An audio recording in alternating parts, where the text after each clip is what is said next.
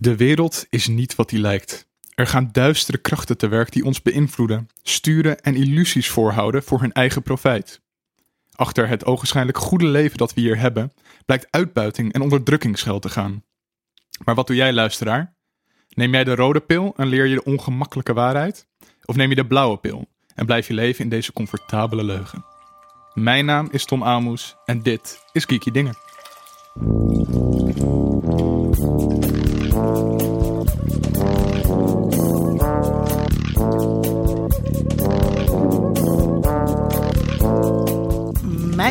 Is Linda Duits en ik neem de blauwe pil. Laat mij maar lekker in mijn waan.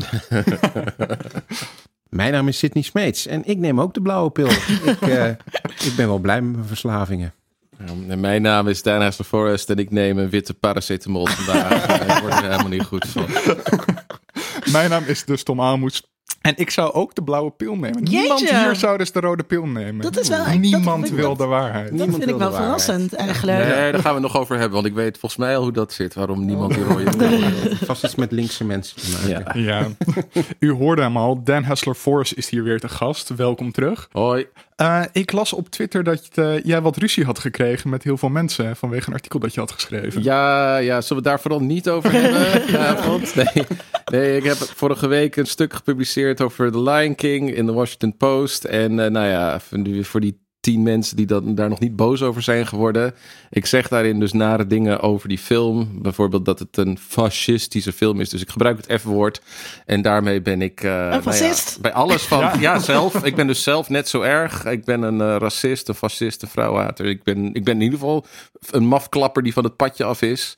En iedereen van geen stijl tot en met Fox News weet eh, duidelijk te maken op hun eigen unieke manier waarom dat zo is. Dus ik zit hier, nou ja, met eh, enige duizel, ik denk gepaste duizeling in mijn hoofd voor een gesprek over de Matrix, die ik met heel veel plezier het afgelopen weekend weer Maar je hebt er wel, je hebt wel een, een, een eretitel erbij gekregen. Hè? De auteur van het domste stuk dat ooit is geschreven. Ja, dat is door Fox News zo benoemd. Nou, do- nou laten we dat wel even. Maar in wat, de- wat zeiden ze? Maar bij Fox News hadden ze gewoon aandacht in een item ervoor? Nou, dat dacht ik. Ze hadden, eh, er heeft een eh, hyperconservatieve blogger, die, heeft er een, die had er al heel snel een stuk over geschreven, waarin die zei dat dit het domste stuk was wat hij ooit in de Washington Post had geschreven. En dat heb ik nog meegekregen voordat mijn Twitter notifications zo uit de hand liepen dat ik ze gewoon uit moest zetten. En ik heb ze vandaag weer aangezet. En nu was het wat niet. Nou, het is nog heel, voor mijn doen heel druk. Mijn Twitter is meestal best wel rustig. Weet je dat je kunt eh, aanzetten dat eh, je geen notificaties krijgt van mensen die jou niet Ja, ik heb alle, ik heb Oh, alle constellaties knoppen- inmiddels eh, geprobeerd. geprobeerd. Ja, dus ik, ehm, ik, ben, ik ben inmiddels ervaringsdeskundige met eh, nou ja, blokken en mensen weren en de notificaties. Welkom in mijn eh, wereld. ja, ja, nou ja, als witte man ben ik altijd zeg maar onstuit, onschendbaar geweest Mm. op Twitter. En nu weet ik een heel klein beetje hoe het is om te zijn zoals heel veel vrienden en vriendinnen van mij die eh, dat niet zijn. Dus het is een hele, het is een ontzettende educatie geweest. Maar ehm, eh, nee, ik zag dus toen nog dat Fox News op hun website er een klein stukje over hadden gedaan. Dat diegene had gezegd dat mijn stuk, het domste stuk ooit door de, door de Washington Post was gepubliceerd. En dat herhaalden zij natuurlijk graag. Maar vandaag, toen ik dus, ik dacht, weet je, ja, er is vast een hoop gebeurd. Ik google mijzelf en mijn naam en de Lion King eens. En toen schrok ik wel, want dan merk je dus dat allerlei YouTubers, die hebben er, eh, nou ja, lange betogen over ge- ge- gesproken. En dat er dus op Fox News echt een heel nieuwssegment was van acht minuten, waarin meer verschillende deskundigen met z'n allen praten over mijn stuk. en Dat is best wel ja, dat, dus dat stukje komt echt met mijn foto in beeld. En het gelukkige, nou ja, dat, ik vond dat mee. Ze hebben de hele tijd over de auteur van dit stuk. En ze gaan helemaal niet in op wie ik ben of waar ik vandaan kom. Dus het was allemaal niet zo persoonlijk. Ze zeggen gewoon: dit is een heel stom stuk. En deze auteur is misguided. Nou ja, dat eh, klopt. En, dat- dat is, en dat is prima. En daar kan ik mee leven. Ja, en als maar het is gewoon een heel, het is heel Matrix-achtige gekke werkelijkheid om dus jouw stuk zo in een, ja, een paar dagen na publicatie op Fox fucking News terug te zien. Ja. Ehm, dus, eh, maar goed, dat vind ik wel een mooie, een mooie geuzennaam. Auteur van het slechtste stuk, eh, van het domste stuk ooit in de Washington Post gepubliceerd. Vind ik een hele fijne titel. Ja, straks gaan we verder over de Matrix, maar nu gaan we eerst eventjes onze terugblik doen. Linda, wat heb jij gezien? Eh, nou, zal ik hem er maar ingooien natuurlijk. Stranger Things, Oh, ja. seizoen 3. zoals de trouwe luisteraar weet, heb ik een moeizame relatie Mhm. eh, met Stranger Things.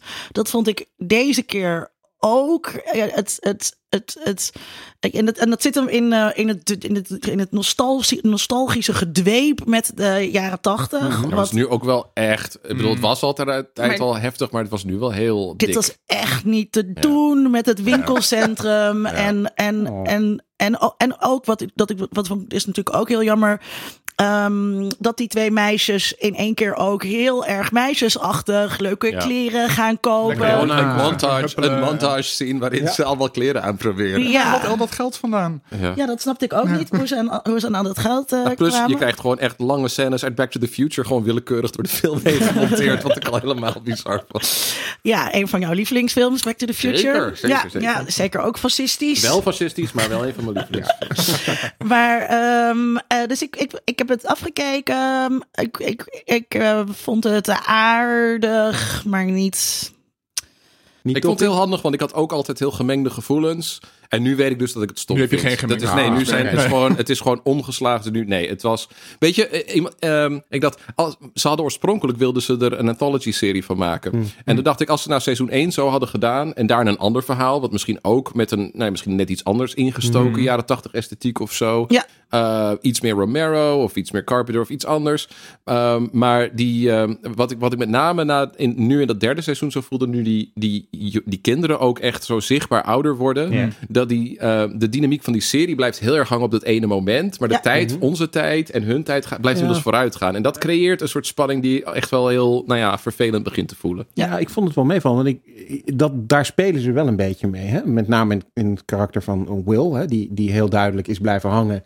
eh, in een iets jongere fase dan de, de andere Ja. jongens eh, en meisjes eh, in de serie. Ehm, eh, waarbij dan nog de vraag is of die nou uit de kast is gekomen. Of dat hij inderdaad gewoon refereert aan het feit dat hij nog, nog niet van meisjes houdt.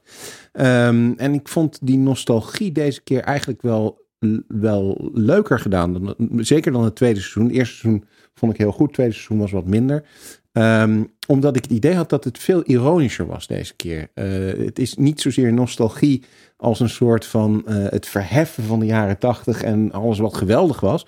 Maar meer een soort ironische nostalgie van... eh, ja, er waren ook gewoon hele rare dingen in de jaren tachtig, rare kleren, Ja, maar het is, een het is een beetje hetzelfde als met ironisch Afrika van Toto leuk vinden. Op een gegeven moment ga- vind je het gewoon leuk. Ja. En dat Stranger is hier Things dus vond het al leuk. Ja. En Stranger Ja, Things vond het al leuk. Nou, ja. en, en los van die nostalgie, ik vond ook gewoon de keuzes die ze maakten met een aantal van de personages, met name Hopper en eh, hoe heet ze Ja. van Winona Ryder, zo dom en zo irritant. Want het idee dat we van, nou, we gaan van hem. Hij was eindelijk aan het eind van seizoen 2, was hij gewoon een leuke en verantwoordelijke vader geworden. Nee, we gaan hem helemaal terugbrengen naar de cliché van de overbezorgde vader die zijn dochter bij seks weg wil houden. de onhandige papa. En die de hele tijd met Winona Ryder aan het bekvechten is. Tot het van die scènes krijgt waar mensen zeggen... Nou, neuk dan gewoon jullie twee. Ja, Ja. Ja, dat zeggen ze het ook letterlijk, hè? Een, ja, ja, ja, maar dat vond ik gewoon een platte, flauwe manier... Ja. om een heel eigenlijk rijk personage... op een hele lullige manier neer te zetten. Wat ze in seizoen 2 met het personage van Sean Astin... bijvoorbeeld veel leuker hadden gedaan... om van een beetje onsympathieke nerd... toch echt een leuke figuur te maken. En dat vond ik hier heel jammer. Zeker na twee seizoenen... om hem zo nou ja, af te zien gaan eigenlijk. Hmm. En eh, wat vonden we van, eh, van eh, de monsters en eh, het enge? Ja, Ik vond- niet. Nee, ik, ik vond het eigenlijk helemaal niet meer zo eng als voorgaande seizoenen. De Ook formule wordt ook gewoon zichtbaarder. Er is een, Ja. een monster wat van een andere dimensie komt... en die begint mensen... Dus we, het, we het kennen voelt, het eh, al. te vertrouwd. Weet je? Ja. Uh, en ook in het eerste seizoen had je nog heel erg de vraag van wat is het nou? En dat Ja. spannende. En nu ja, we weten wat het is. Het komt eraan. Oh, het is er. Oh, oh, oh, We gaan het wat ben ik bang. Ik had het idee dat het monster deze keer wat, wat eh, Cronenberg-esque was. Hè? Veel meer body horror, veel meer... eh, eh, nou ja, eh, wat waren het? Blobs van... van Ja, maar het was van- vooral goor en niet per se Goor, inderdaad. Maar Ja, dat maar was- dat is Cronenberg ook. Ja. Maar het is ook The Thing. En het leuke van zoiets als The Thing is juist... en er zit ook, deze zat meer dan ooit vol met homages aan The Thing... is van, ja, het is ook... de personages, die moeten ook dood. En hier zit je inmiddels met een cast... die is gewoon... Ja, die zit zo ingebed. Die gaan echt niet meer dood. In, in het eerste seizoen was er echt nog een spanning... van wat gaat er met Will gebeuren? En die kinderen die voelen echt wel kwetsbaar in die omgeving. En, en er waren geen mobiele telefoons... en ze gaan zomaar het bos in en zo. Holy shit. En Ja. nu is het gewoon, ja nee, dit is gewoon de cast. En daar gaan we het mee doen. Ja. En een paar van die volwassenen, ja, daarvan weten we van die kunnen we ergens inruilen. Want die beginnen te veel geld te vragen. Maar nee, ik vond voor de rest eh, een heel matig, eh, matig derde optreden. Ik eh, hoop dat ze het hierbij laten. Ik heb ook gekeken naar The Last SARS. oh ja, Ehm, wat, ehm, ja, dus het, het gaat over... aristocracy porn. Aristocracy porn, dat is exact wat het is. Dus het is een eh, mix van historisch commentaar eh, met drama. En daardoor krijg je een beetje het gevoel dat je naar een reconstructie op Discovery Channel zit te kijken. En de historische duiding is ook een beetje aanmatigend. En is er ook nog eens een keertje een verteller. Dus een personage dat dan een aantal jaar later terugkijkt op wat er eh, gebeurd is. Eh, dus dat, dat maakt het allemaal een beetje... ehm, eh, ja, dus die manier van verhalen vertellen is gewoon is niet, is niet lekker. Je zit de hele tijd te denken, waar zit ik nou naar te kijken? En, en, en het gaat dus over eh, eh, die Romanovs. Wat de Engelse acteurs trouwens de hele tijd uitspreken als Romanovs. Wat ook raar is. En, eh, en dat doet heel weinig recht aan het leed van het Russische volk. Ja. Wat, er, wat er gewoon is, is. En dat Russische volk, dat is, dient alleen maar als figurant. Af en toe in archiefmateriaal krijg je die dan te zien. En dan wordt iets gezegd over dat er heel veel mensen eh, zijn doodgegaan. Maar de, de sympathie eigenlijk, waar je als kijker naartoe geleid wordt, gaat heel erg naar die, naar die Romanovs. En dat is gewoon niet terecht. Dit waren gewoon verschrikkelijke, verschrikkelijke mensen. Nou ja, die kinderen misschien wat minder. Die kinderen die konden er ook niks aan doen. Maar ik bedoel, ja, het is een aristocratische, superrijke eh, familie die alleen heerser, heerser wilde zijn en wilde blijven in de bloody 20ste eeuw al. Hè? Weet je, dat, Ik krijg en opeens weer zin om naar Marie Antoinette te kijken. Die fantastische Ja, film met... Met eh, de meat cake. Maar eh Nicolaas en, en eh, eh, Nicky eh, werden volgens mij ook wel een beetje gezien als, als naïef. Hè? Dus, eh, dus in die zin, ik, ik heb de serie nog niet gezien, maar ik lees er hele wisselende eh, reacties op. Er zijn mensen die hem echt helemaal fantastisch vinden. En er zijn mensen die het echt helemaal kut vinden. Het is, Ja. Er zit niet veel tussenin. Maar, maar ehm, ja, ze worden dus ook een beetje neergezet als een beetje, als een beetje suffer, suffertjes. Ja, ik denk dat dat, dat dat tot op zekere hoogte historisch ook zo Nou, de was. geschiedenisboeken die ik erover heb gelezen, die zeg, vertellen wel echt een ander verhaal inderdaad. En niet Dan- zo van naïviteit, maar van gewoon privilege en Ja, macht. privilege. En dit Ja. is, wij zijn hiervoor geboren. Wij zijn de volgende generatie die dit gaat ja. doen. En ja, het, dat, het feit dat de volgende generatie, eh, dat hun kinderen op die manier worden opgevoed. Nee, natuurlijk kunnen die er niks aan doen. Maar het is, het is een heel laf en makkelijke, dramatische manier Mhm. om te zeggen. Ja, maar het zijn kinderen. Kijk, ik denk meteen aan The Lion King. Het zijn kinderen. Dus eh, het is heel makkelijk om met Simba mee te leven. Want die groeit op in Trump Tower. En die wordt gewoon de nazaat. En dan wil je ook dat hij dat bereikt. Zonder stil te staan Ja. bij het idee van ja, maar eh, we leven Ja, nu is- mee met die 1% die Ja, de macht heeft. Welke En- mensen allemaal onderdrukt worden om Ja. die ene persoon die troon ja. te laten. Ja, en, dan, dat- en dan worden dus ook nog eens een keertje de, de, de revolutionairen eh, neergezet als slechterikken. Ja. Dus iedereen in die film praat met een Engels accent. Behalve zij. eh, met een Brits accent. Maar, maar, maar zij spreken met een soort Rus- Russian villain accent. We will kill them now.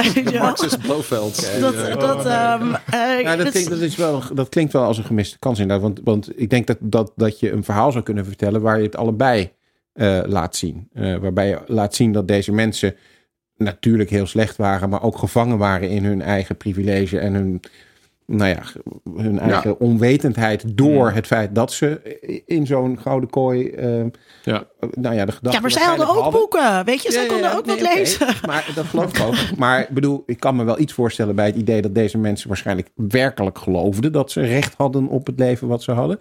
En tegelijkertijd kun je ook laten zien de andere kant van het verhaal, namelijk dat, dat er wel iets meer aan de hand was. En als dat niet erin zit, dan is dat wel echt gemist. Maar Nee, moet dus je het op een The Wire-achtige manier doen? Ja. Moet je zeggen van dat heeft een heel systeem van macht. En dat Ja. systeem, dat is Onderdrukt allebei de kanten. Ja, en, dat, en dit, is, dus dit, dit gaat gewoon heel erg over. Dus het gaat heel erg over de juwelen. Het, eigenlijk gaat het alleen maar over de juwelen. En, dan, en dan zijn er dus historici die ook ontzettend enthousiast zijn over, over deze mensen. En het ook dus heel zielig vinden en zo. eh, dat, dat, dat, ze, dat ze vermoord zijn. Terwijl dat voorkomen natuurlijk. Het is volkomen terecht dat Nicolaas is afgeschoten. Dood moesten ze! Natuurlijk moest hij dood. Ja. Arme Tsarevic. De arm, nou, ik Alexei. arm het Salafic, dat, eh, dat, dat, dat was een monster, die vrouw. Nee, de Tsarevic. Het, uh, dat Alexei. Alexei met de Ja. hemofilie. Ja, die had van mij een paar keer mogen vallen. in zijn jeugd. Wat was hij dood gegaan? Nou, Ja, dat eh, was mijn terugblik. Nou, Ja. kijken mensen. Ja, dat, dat is, nou, nou, kijken, ik weet het niet. Hmm. Dan, wat Nee. heb jij eh, gekeken? Ehm, oh, ik heb wel twee dingen. Even kijken ook. Ehm, eh, eentje was eh, Apollo 11. Of hebben jullie dat, daar al over gesproken? Nee. Nee, nee. Oh man, nou Apollo 11, dat is wel een heel geeky ding. Eh, daarvoor ben ik eh, naar het eh, AI geweest. Ah, sorry, Apollo 11 is een nieuwe documentaire over de maanlanding. Eh, geen Nooit hoax. gebeurd. De maanlanding, Nee, niet door Stanley ding. Kubrick geregisseerd, maar de echte maanlanding. Eind 1969, er is natuurlijk heel veel wat er nu over wordt geproduceerd, omdat het... eh, 50 jaar geleden is dit jaar. Ehm, maar ze hebben eh, een paar jaar geleden hebben ze 70 mm beelden gevonden van eh, nou ja, de, de, de dag zelf. En, eh, en, en high-def fotografie van de landing. En daar hebben ze dus een nieuwe documentaire van gemaakt. En die draait in het Archeon, volgens mij op 70 mm in de verkorte versie. Maar in het AI in Amsterdam in 4K op het grote scherm. Eh, integraal. Het is een film van eh, iets meer dan anderhalf uur. En het is waanzinnig. Eh, voor, voor andere NASA-nerds zoals ik zijn er al natuurlijk prachtige eerdere films geweest. Zoals For All Mankind. Die op een mooie Blu-ray-uitgave. Maar het is allemaal 16 mm beeld. En het is echt verbluffend om die, die film die begint met dat gigantische, die gigantische nou ja, tractorachtige machine waar die raket op staat. Dat ding wat echt nou ja, uit een science fiction film vandaan komt. En dat zie je zo scherp en in zoveel detail. Dat heb je nog nooit zo gezien. En eh, het hele spektakel om die, niet, ik wil zeggen die landing, maar om die, nou ja, de countdown en het vertrek heen.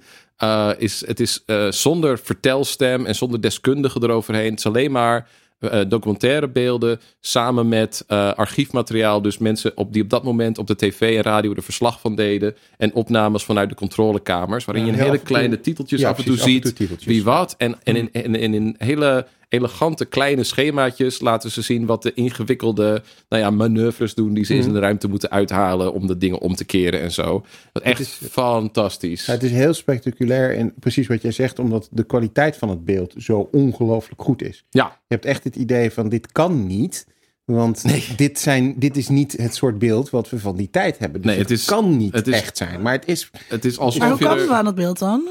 Het is- 70 mm film dan. Het is, Ah. het is toen gedraaid op, op, ja, op, op groot big stock. Het is niet precies 70 mm, maar er was iets mee. Ik heb, ik heb het geweten, waardoor ze het niet konden, goed konden eh, uitwerken naar 35 mm terug. En daar is dus een heel archiefteam mee bezig geweest. Om, die, hebben dat, die hebben dat in van die oude blikken, stoffige oude blikken, hebben die al die beelden gevonden. En die zijn ermee aan de slag gegaan. En naast de kwaliteit van de beelden zelf, gewoon ja, dat verbluffende IMAX-achtige wat het nu heeft, is die documentaire gewoon knijterstrak. Er is ehm, het- gewoon de montage ervan en de manier waarop er heel vaak met splitscreen wordt gewerkt, zodat je 4, 8, 16 beelden naast elkaar ziet van al die verschillende mensen die die eh, van hoeveel mensen er ook nodig waren om dit mogelijk te maken en die er allemaal arbeid en energie in hebben gestoken. Uh, met daarbij een van de mooiste filmsoundtracks die ik dit jaar heb Ja. gehoord. Een synth score, dus heel, nou ja, een beetje retro, een beetje jaren 80 Lekker voelt het. specialistisch, ja. Maar eh, die geeft heel veel energie aan het hele verhaal. Dus ook al ken je het verhaal, je weet dat het niet Apollo 13 is en oh, we have a problem, weet je wel, of zoiets. Het gaat allemaal prima goed. Is het een heel spannende en indrukwekkende film. En zeker, oh, ik had hem, ik had hem al thuis gezien eh, op de Beamer, maar om die in een grote zaal op een gigantisch scherm te zien met knijterhard geluid was waanzinnig. Ik ben overtuigd. Ja, dus gaat dat zien. Het andere, terwijl die nog draait. Hij draait trouwens ook gewoon in de paté, maar dan zie je hem niet in. Dan zie je hem dus in een eh, gewoon DACP in 2K is dat. Dan zie je hem gewoon ook wel heel heus veel mooi en leuk. Maar eh, hoe groter het scherm, hoe meer de lol, denk ik. Eh, het andere wat ik heb gekeken van het weekend is het tweede seizoen van Dark. Uh, Het eerste, dat is de eh, Duitse eh, science fiction serie op Netflix. De eerste grote Duitse Netflix serie. Eerste seizoen was ik wel erg van onder de indruk. Ik vond het, eh, nou ja, Stranger Things, maar dan wel goed eigenlijk. Dat zegt iedereen is- eigenlijk. Ja, ja, ja. Het is echt. het is een soort mix van, nou ja, hard science fiction. dus ja, met tijdreizen en dan alle tijdsparadoxen. Famie en een soort ja. Eurodrama dat gericht is op een paar familieclans. Eh, en hoe die dan door drie generaties heen. Die worden dus ook allemaal door verschillende acteurs gespeeld. Ehm, en het eerste seizoen hield ik het dan nog aardig bij elkaar. Maar ik merkte nu, dat was wel grappig. Dan ga je het tweede seizoen kijken. En je hebt het eerste seizoen natuurlijk ook in twee of drie dagen gekeken. Maar meer dan een jaar geleden. Nou, ik moest echt, weet je wel, de Wikipedia erbij gaan pakken. En de fanpagina's erbij pakken. Om het allemaal weer uit te dokteren. Want het wordt in het tweede seizoen nog veel ingewikkelder. Ik ben, ik dat ben echt weer- net begonnen aan het e- eerste seizoen. En ik had in de eerste twee afleveringen al dat ik zat Ja. van... Die was van wie Ja, van dat? En, en mijn vriendin die had het al gekeken en die keek en- het weer mee. En die zat ook van, ik heb dit gekeken, maar ik weet het gewoon niet meer. Nee, maar je moet echt, je moet bijna schema's in een, in een notitieblokje gaan. zijn Ja, ja, ja. Die moet, het is zoals Primer, maar dan ja, eigenlijk leuker om naar te kijken. En na een aantal afleveringen kom je ook. Ik ben een hele luie kijker, dus ik zit niet die diagrammen erbij te volgen.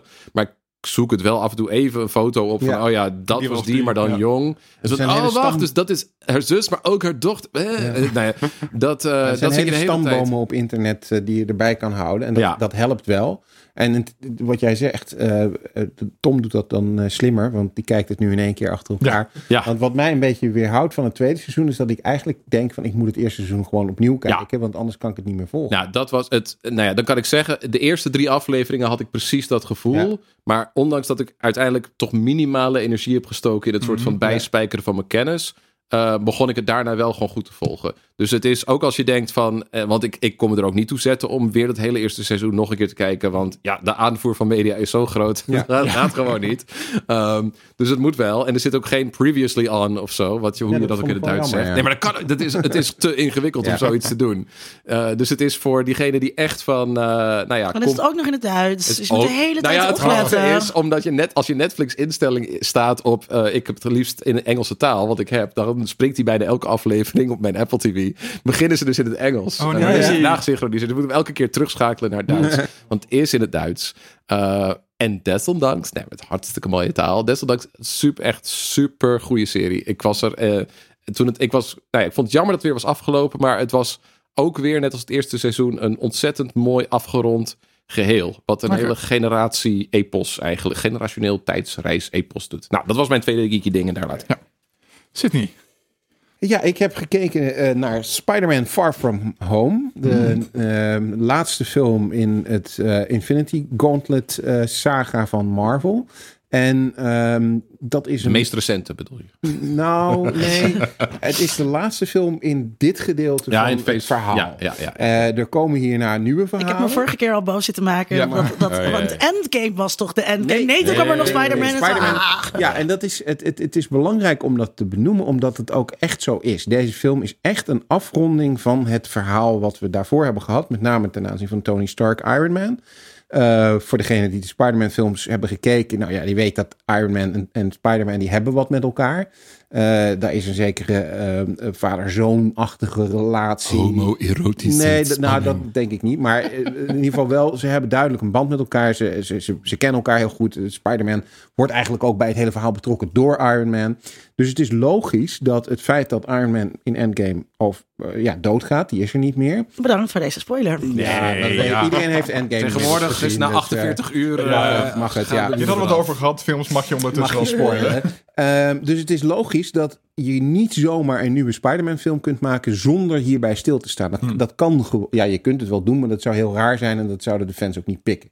Dus het is logisch, een logisch vervolg op het verhaal. Ze doen het ook op een goede manier, omdat het heel erg gaat over de vraag van moet Spider-Man nu de nieuwe Iron Man eh, worden? Eh, kan die die verantwoordelijkheid wel aan? Wil die die verantwoordelijkheid wel aan? Dan komt er nog een andere in beeld. Dat is Jake eh, Gyllenhaal die speelt, of Gyllenhaal eigenlijk, die speelt eh, Mysterio. Ehm, dat is knap gedaan voor de lezers van de comics. Die weten al dat er iets is met Mysterio. Gaan, Als je- gaan we niet Of uitleggen. als je gewoon leeft in de 21ste eeuw. Precies. Ja, het, het is, het niet. Het is, het- ik denk ook niet dat het de bedoeling van de film was, omdat een enorme. Hij heet Mysterio. Ook Ja. en dat het een enorme Oh, oh, oh, reveal zou zou zijn. Ik, denk- ik zijn? denk Ja, nou, volgens, dat is ik vond dat dus een van de grote fouten. Nee, dat ik- ze enorm inzetten op van... Jee, het is Nee, een soort nee, nee, nee. vaderfiguur. Ik, ik denk het niet. Ik denk, ik denk dat voor mij in ieder geval zat het er meer in dat je als kijker meer weet dan Peter Parker. Ja, Jij als kijker weet eigenlijk namelijk al, dit gaat helemaal fout. En Hmm. iedere beslissing die Spider-Man neemt, is de foute beslissing. Terwijl het lijkt voor hem alsof het een goede beslissing is. Dat past ook heel erg, vind ik, in Spider-Man. Spider-Man heeft nou eenmaal ongeveer de grootste pech van alle superhelden die er, die er rondlopen. Nou, het wordt goed geacteerd door eh, Tom Holland, goed geacteerd door Jake Gyllenhaal, goed geacteerd door, eh nou moet ik het goed uitspreken, Zendaya. Dat is het meisje dat eh, MJ eh, speelt, de love interest eh, van Peter Parker. Een van die vele twintigers die tieners spelen in de film. een van de vele twintig is spelen, maar ze doen het heel overtuigend. Ik vind het niet storend bij deze film. En Ja, nee, ik vond het goed gedaan. En wat heel knap is, uh, maar daar gaan we niets over zeggen, want dat zou echt spoiler zijn. De mid-credit scene, want al die films hebben een mid- en een end-credit scene, post-credit scene. Uh, die verandert ook echt uh, niet alleen je blik op de film, maar ook uh, je verwachtingen van wat er in de toekomst met het MCU gaat gebeuren. Ja, dus Spannend. het is een. Uh, ik, ik, vond het een hele knappe move uh, om het zo uh, te doen. Daarnaast is het ook gewoon een hele leuke high school film. Het is een soort National Lampoon's Vacation-achtige film. Nee, het is zo'n Eurotrip. Het, Eurotrip, is, het is heel specifiek ja. Amerikaan. Dat, dat ja. sorry hoor, ik kan me niet meer inhouden. Daarom vond ik het zo'n verschrikkelijk irritante film. Wist ik al. Alle clichés over. Sydney en ik hebben hier natuurlijk op Twitter al over gespart. Dus het. nee. Het, het, het, alle clichés van Amerikaanse tieners naar ja. Europa en alle plaatjes die daarbij horen en zo.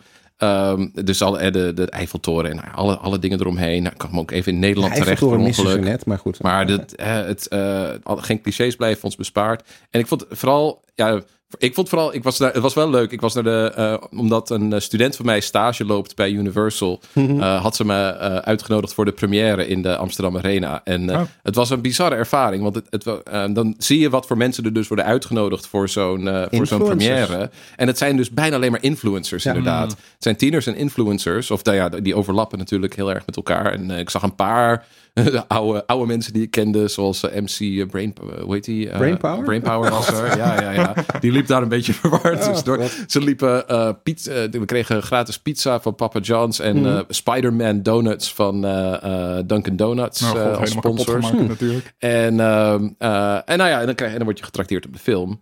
Uh, ik vond dus de mid-credits uh, scène vond ik fantastisch. Maar dus ook letterlijk de enige goede scène in de hele film. Zo goed dat hij bijna die hele... Nou ja, gewoon... Het is niet eens echt goed of slecht. gewoon tergend saai. Uh, de nou. hele film lang. Ja, nou ja, dat ja, is goed. Ik, voor mij dus. voor mij dus tergend saai. En je hebt het nog niet gezien, Tom? Uh, nee, nee, nee. nee daar, en, ik ben, en, ik, en, ik, en het was een driedubbele uh, on, ja, ontgoocheling. Omdat ik vond de Spider-Man Homecoming ontzettend leuk. Ja, behalve dan alle stukken met Tony Stark. Ik dacht, jezus, als ze Tony Stark hier nou uit hadden gelaten met die eindeloze vader-zoon geneuzel, dan was het nog, dan was het echt een perfecte Spider-Man film geweest. Want Tom Holland is te gek en ja, het alle high school gedoe daar was ook hartstikke leuk. Uh, maar hier vond ik, uh, nee, ik vond het dat allemaal niet leuk. Ik ben hier de minderheid, want hij is certified fresh on Rotten ja, Tomatoes. dus, um, uh, maar het is, um, nee, een, een, een charmeloze en spanningsloze film waarin Jake Gyllenhaal zich ronduit verveelt en Samuel Jackson soms echt letterlijk zijn performance gewoon eventjes inbelt. dus die, nee, ik, ik vond het heel, ik, heel, ik, heel. Ik begrijp al die vloggers jammer. wel die jou. Uh, ja hoor, kom, kom, er, kom er maar in. Het is, die, die, die 1% die ik er nu nog ja. bij krijg, die kan ik wel hebben. Nee, ho na Homecoming en zeker na Into the Spider-Verse, wat gewoon, denk ik, inmiddels certified de ja, beste superheldenfilm ooit is en. Helder, denk, ik dat we, denk ik dat je, ja, heb je natuurlijk uh, best wel wat competitie uh, te mm. maken. En één laatste heel kleine puntje wat ik gewoon vond. dat je na, wat, precies wat je zei, na die Infinity Gauntlet toestand, um, probeert, oh, ja, is een deel van het werk voor Far From Home is om te kunnen zeggen, ja, er is iets heel, heel ergs gebeurd. Er zijn allerlei mensen die zijn vijf jaar lang dood geweest en die zijn nu tot leven gekomen. We moeten daar iets mee. Ja, wat moeten we daarmee met dat hele trauma? Ja, we maken er een grapje van in de eerste vijf minuten. En dan zijn we ermee heel klaar slim. en kunnen we weer door. Nou ja, het is slim, maar het is ook voor iemand die graag... En daar kunnen we het bij de Matrix ah, over okay, hebben. Die okay. graag wil hm. dat dit soort... Dat als er, als er interessante uh, intriges en plotwendingen in zo'n doorlopende franchise worden geïntroduceerd, dat je er ook iets mee doet. En dat je niet zegt, ja, ja goed, oké, okay, het, het, is gebeurd, maar we moeten nu eenmaal verder, want we willen het volgende ja. Disney-product kunnen consumeren. En dan moet het wel om te lachen zijn en niet om een beetje over na te denken. Nou, over uh, Zendaya gesproken, de uh, MJ van, van Peter, waar die een Peter Tingle van krijgt. Um, Uh, Zendaya is ook de hoofdrolspeelster, of althans één van de hoofdrolspeelsters, in een nieuw, nieuwe serie van HBO. En die serie heet Euphoria. Is een remake van een uh, Israëlische serie. Hoeveel het erop lijkt, geen idee. Die Israëlische serie heb ik nog nooit gezien. Maar Euphoria wel. Het zijn vier afleveringen. En het lijkt een beetje, eh, als je ooit Skins hebt gezien, dat was een paar jaar geleden, was dat helemaal het ding van de jeugdcultuur. Uh, dit is zeg maar, het lijkt er een beetje op, alleen het is net, wat beter en, en mooier gemaakt. Het zijn ook maar vier afleveringen, dus je kunt het snel kijken. Um, waar gaat het over? Zij um, nou, heeft een probleem met drugs. Heeft ook een overdosis gehad. Komt terug naar haar eh, ouders en haar school. En ontmoet daar andere mensen op school die ook hun eigen ding allemaal hebben. Zoals er bijvoorbeeld één meisje, uh, wordt gespeeld door Hunter Schafer. Uh, en in de serie heet ze Jules. Is een transmeisje. Nou, die, die maakt een aantal dingen mee. Dat verhaal volg je. Dat is een jongen, nou, die volg je. Dus je volgt eigenlijk een paar tieners op school. Um, en, en, en de dingen die zij, die zij meemaken. En dat is heel erg in het nu. Dus het gaat heel erg ook over seks, drugs. Um, ook vrij expliciet in beeld gebracht uh, uh, allemaal. Het is op, op sommige momenten bijna pornografisch. Um, en het is HBO heel... zei je? Wat zei je? HBO toch? HBO, ja, ja daar, daar kennen we dat ook van, dus uh, dat past het bij. En het is uh, goed geacteerd, goed, mooi gemaakt. Zeker een aanrader om even Maar is het niet, ja, jongeren, seks en drugs? Tut, tut, tut. Ja, het, is, het, ligt, het, ligt, het ligt, ik, snap, ik snap, ik denk dat ik weet wat je bedoelt. Het ligt heel erg voor de hand om dat dan te doen. Maar ze doen het wel goed. En ze doen het ook op een manier dat je niet zit te denken van... oh ja, jongeren, dus seks en drugs. Nee, ze doen het op een manier dat je denkt... oh ja, dit is eigenlijk logisch dat dit in het leven van deze jongeren zo gaat en gebeurt. Uh, en er zit ook niet een hele... Nou ja, er zit een klein beetje moralistische boodschap in over drugs. Maar dat, heeft, dat wordt wel redelijk goed uitgelegd uh, in de serie... waarom ze die, die, die boodschap op die manier brengen. Uh, nee, ik zou zeker aanraden om er even naar te kijken. Ja, ik moet dit kijken. Je dat moet- hoort ja, dan Ja, natuurlijk dit, al. dit valt helemaal in jouw ballpark. Ja. nou, daar hebben we het de volgende er keer niet dan over. Ja, Zo ja, voelde ik ja, me dus ja, ook over Spider-Man. Ja, gaan we weer. Ja, ik moet ook nog steeds eh, die, die, die ehm, eh, hoe heet die stomme serie nou? Over technologie. Black Mirror. Black Mirror Ja, kijken God. met, Ja, met de Miley Cyrus. Ja, die Oh, Die de laatste aflevering van die nieuwe serie. Ja, Ja. Nee. Nou, Ehm, Cool. zelf heb ik eh, eh, eigenlijk ehm, vooral dingen terug zitten kijken die hier al genoemd zijn. Omdat ik wat dingen had om in te halen. Waaronder eh Fleabag, mhm. Dark en Undercover. Eh, en die vind ik eigenlijk alle drie heel erg leuk. Ehm, Fleabag. ja, nee, maar dat vind ik echt eh, heel Ja, tof. Ja, ik ben er echt. Ik zit nu net aflevering 2 heb ik afgekeken. Het is echt heel erg grappig. Ja, seizoen Ja. 2 is echt van een soort overstijgende Ik kan niet lachen. dat, ja, en dat is ook allemaal dingen, tenminste behalve dan Undercover. Gewoon, omdat ik ook heel erg de hype hoorde over seizoen 2 van Fleabag en over Dark. Had ik gezegd, nou dan moet ik maar aan dat eerste seizoen eh, eh, gaan beginnen. En Undercover, ik, er werd hier al aan tafel gezegd dat het een verrassend goede Nederlandse productie is. En ik had echt niet verwacht dat het soort van Dat het zo goed, zou eruit zou zien. Ja. Eh vind ik het act- acteerwerk soms wel van Nederlanders.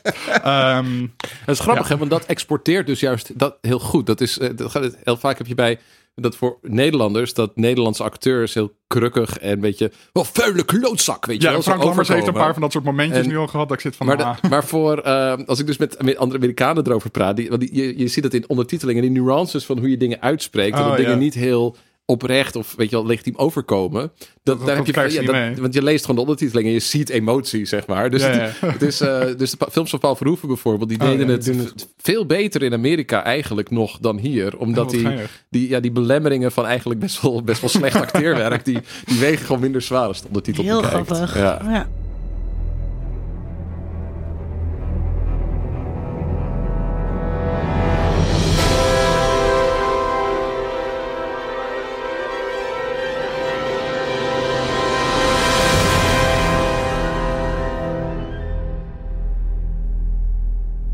Ja. Dan gaan we het nu hebben over de Matrix. En ik wilde even teruggaan naar het jaar dat die uitkwam in 99. Yay! Want volgens mij was het 20 toen best geleden. wel... Millennium een- Bug for the win! Oh my god, het was zo fucking vet. Ja, Phantom Menace. Dus de- Het was echt next level vet. Dus Ja. ik ging naar de bioscoop eh, overdag, want dat, dat, dat deed ik toen, eh, met mijn beste vriend.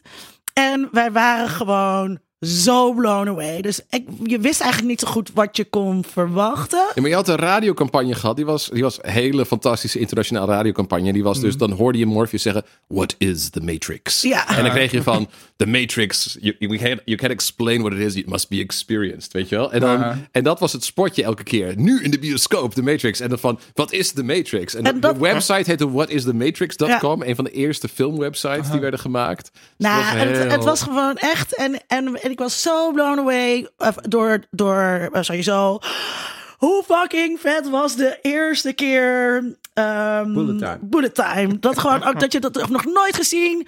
Dus Nee. op het moment, dat eerste moment dat Trinity daar in de lucht hangt. En je, en je draait om Ja. haar heen. Ah, het was zo vet. En dan ook nog, eh, het verhaal was interessant. Dus ik vond het ook echt, het was echt waar alle dingen samenkwamen, zeg maar.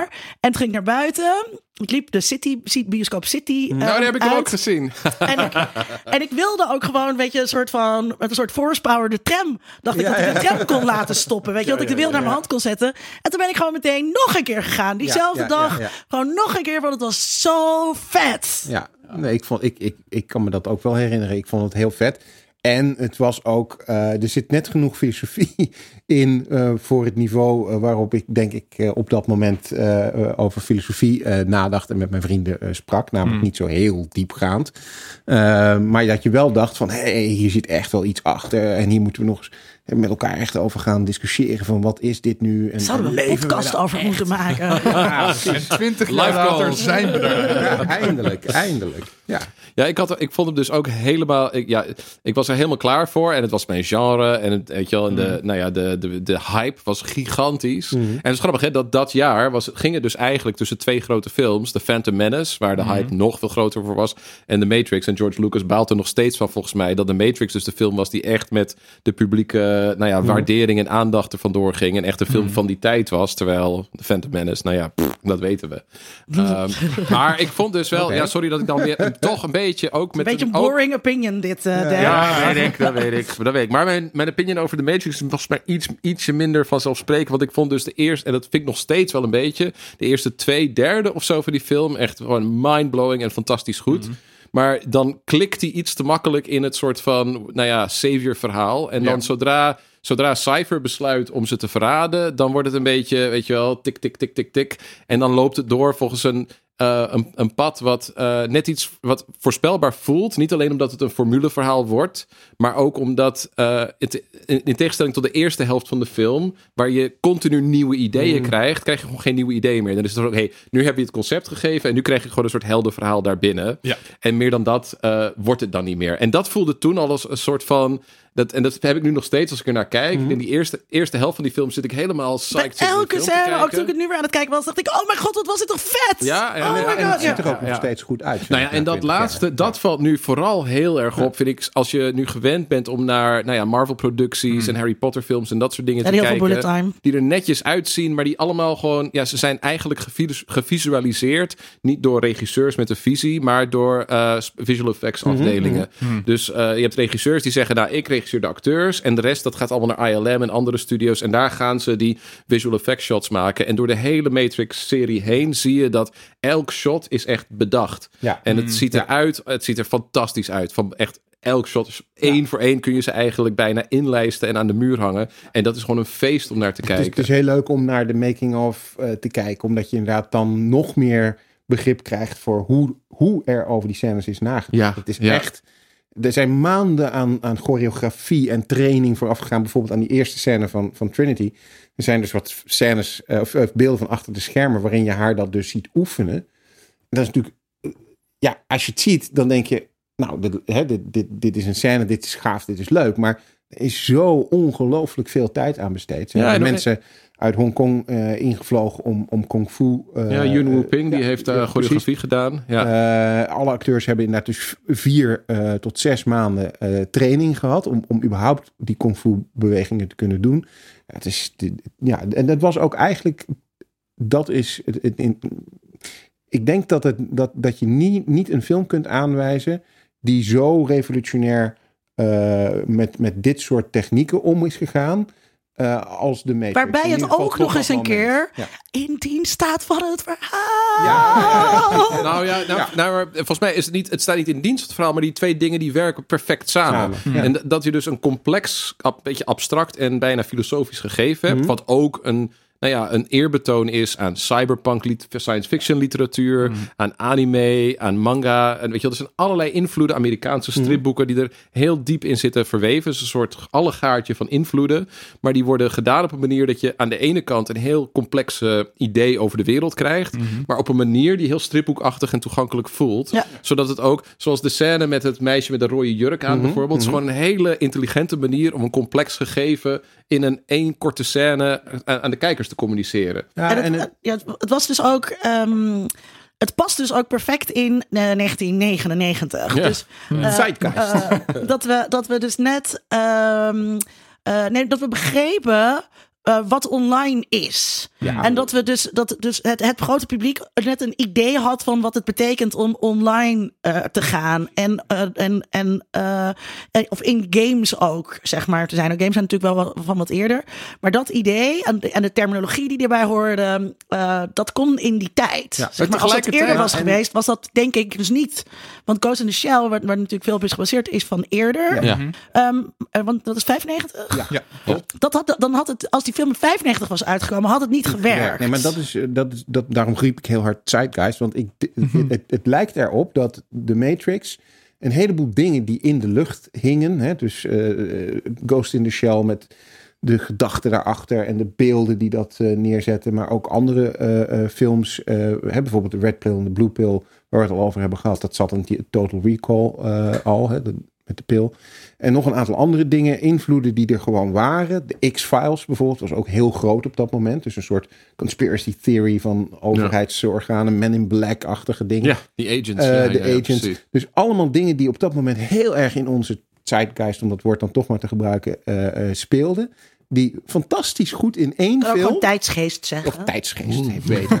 Eh, die fantastisch goed in, Nein, dat is één- dit Zeitgeist. in één film samenkwamen. En daardoor dus eigenlijk, ondanks dat er, je zou kunnen betogen, eh, nauwelijks een origineel idee in die film zit, is het allemaal tezamen een fantastisch origineel en, en een heel goed werkend eh, eh, product geworden. Nou, en het leuke, ik vind dat dus ook dat, dat eh, het klopt, ik ben het helemaal eens hoor. Het, is Mhm. inderdaad, het voelt heel erg 99 en heel erg eh, tijdgeestachtig. Ja. Ehm, ook op een, op een best wel grappige manier nu. Dat je dus ook kijkt van ja, Al toen, die telefoons. toen, toen al die telefoons. En toen was het idee dat je dus een hacker was en dat je allemaal computers had. Ja. Het was toch een beetje iets van ja, dat waren nerds. Die, weet je wel, die, die hobbyisten die thuis zaten, s'nachts achter een beeldscherm.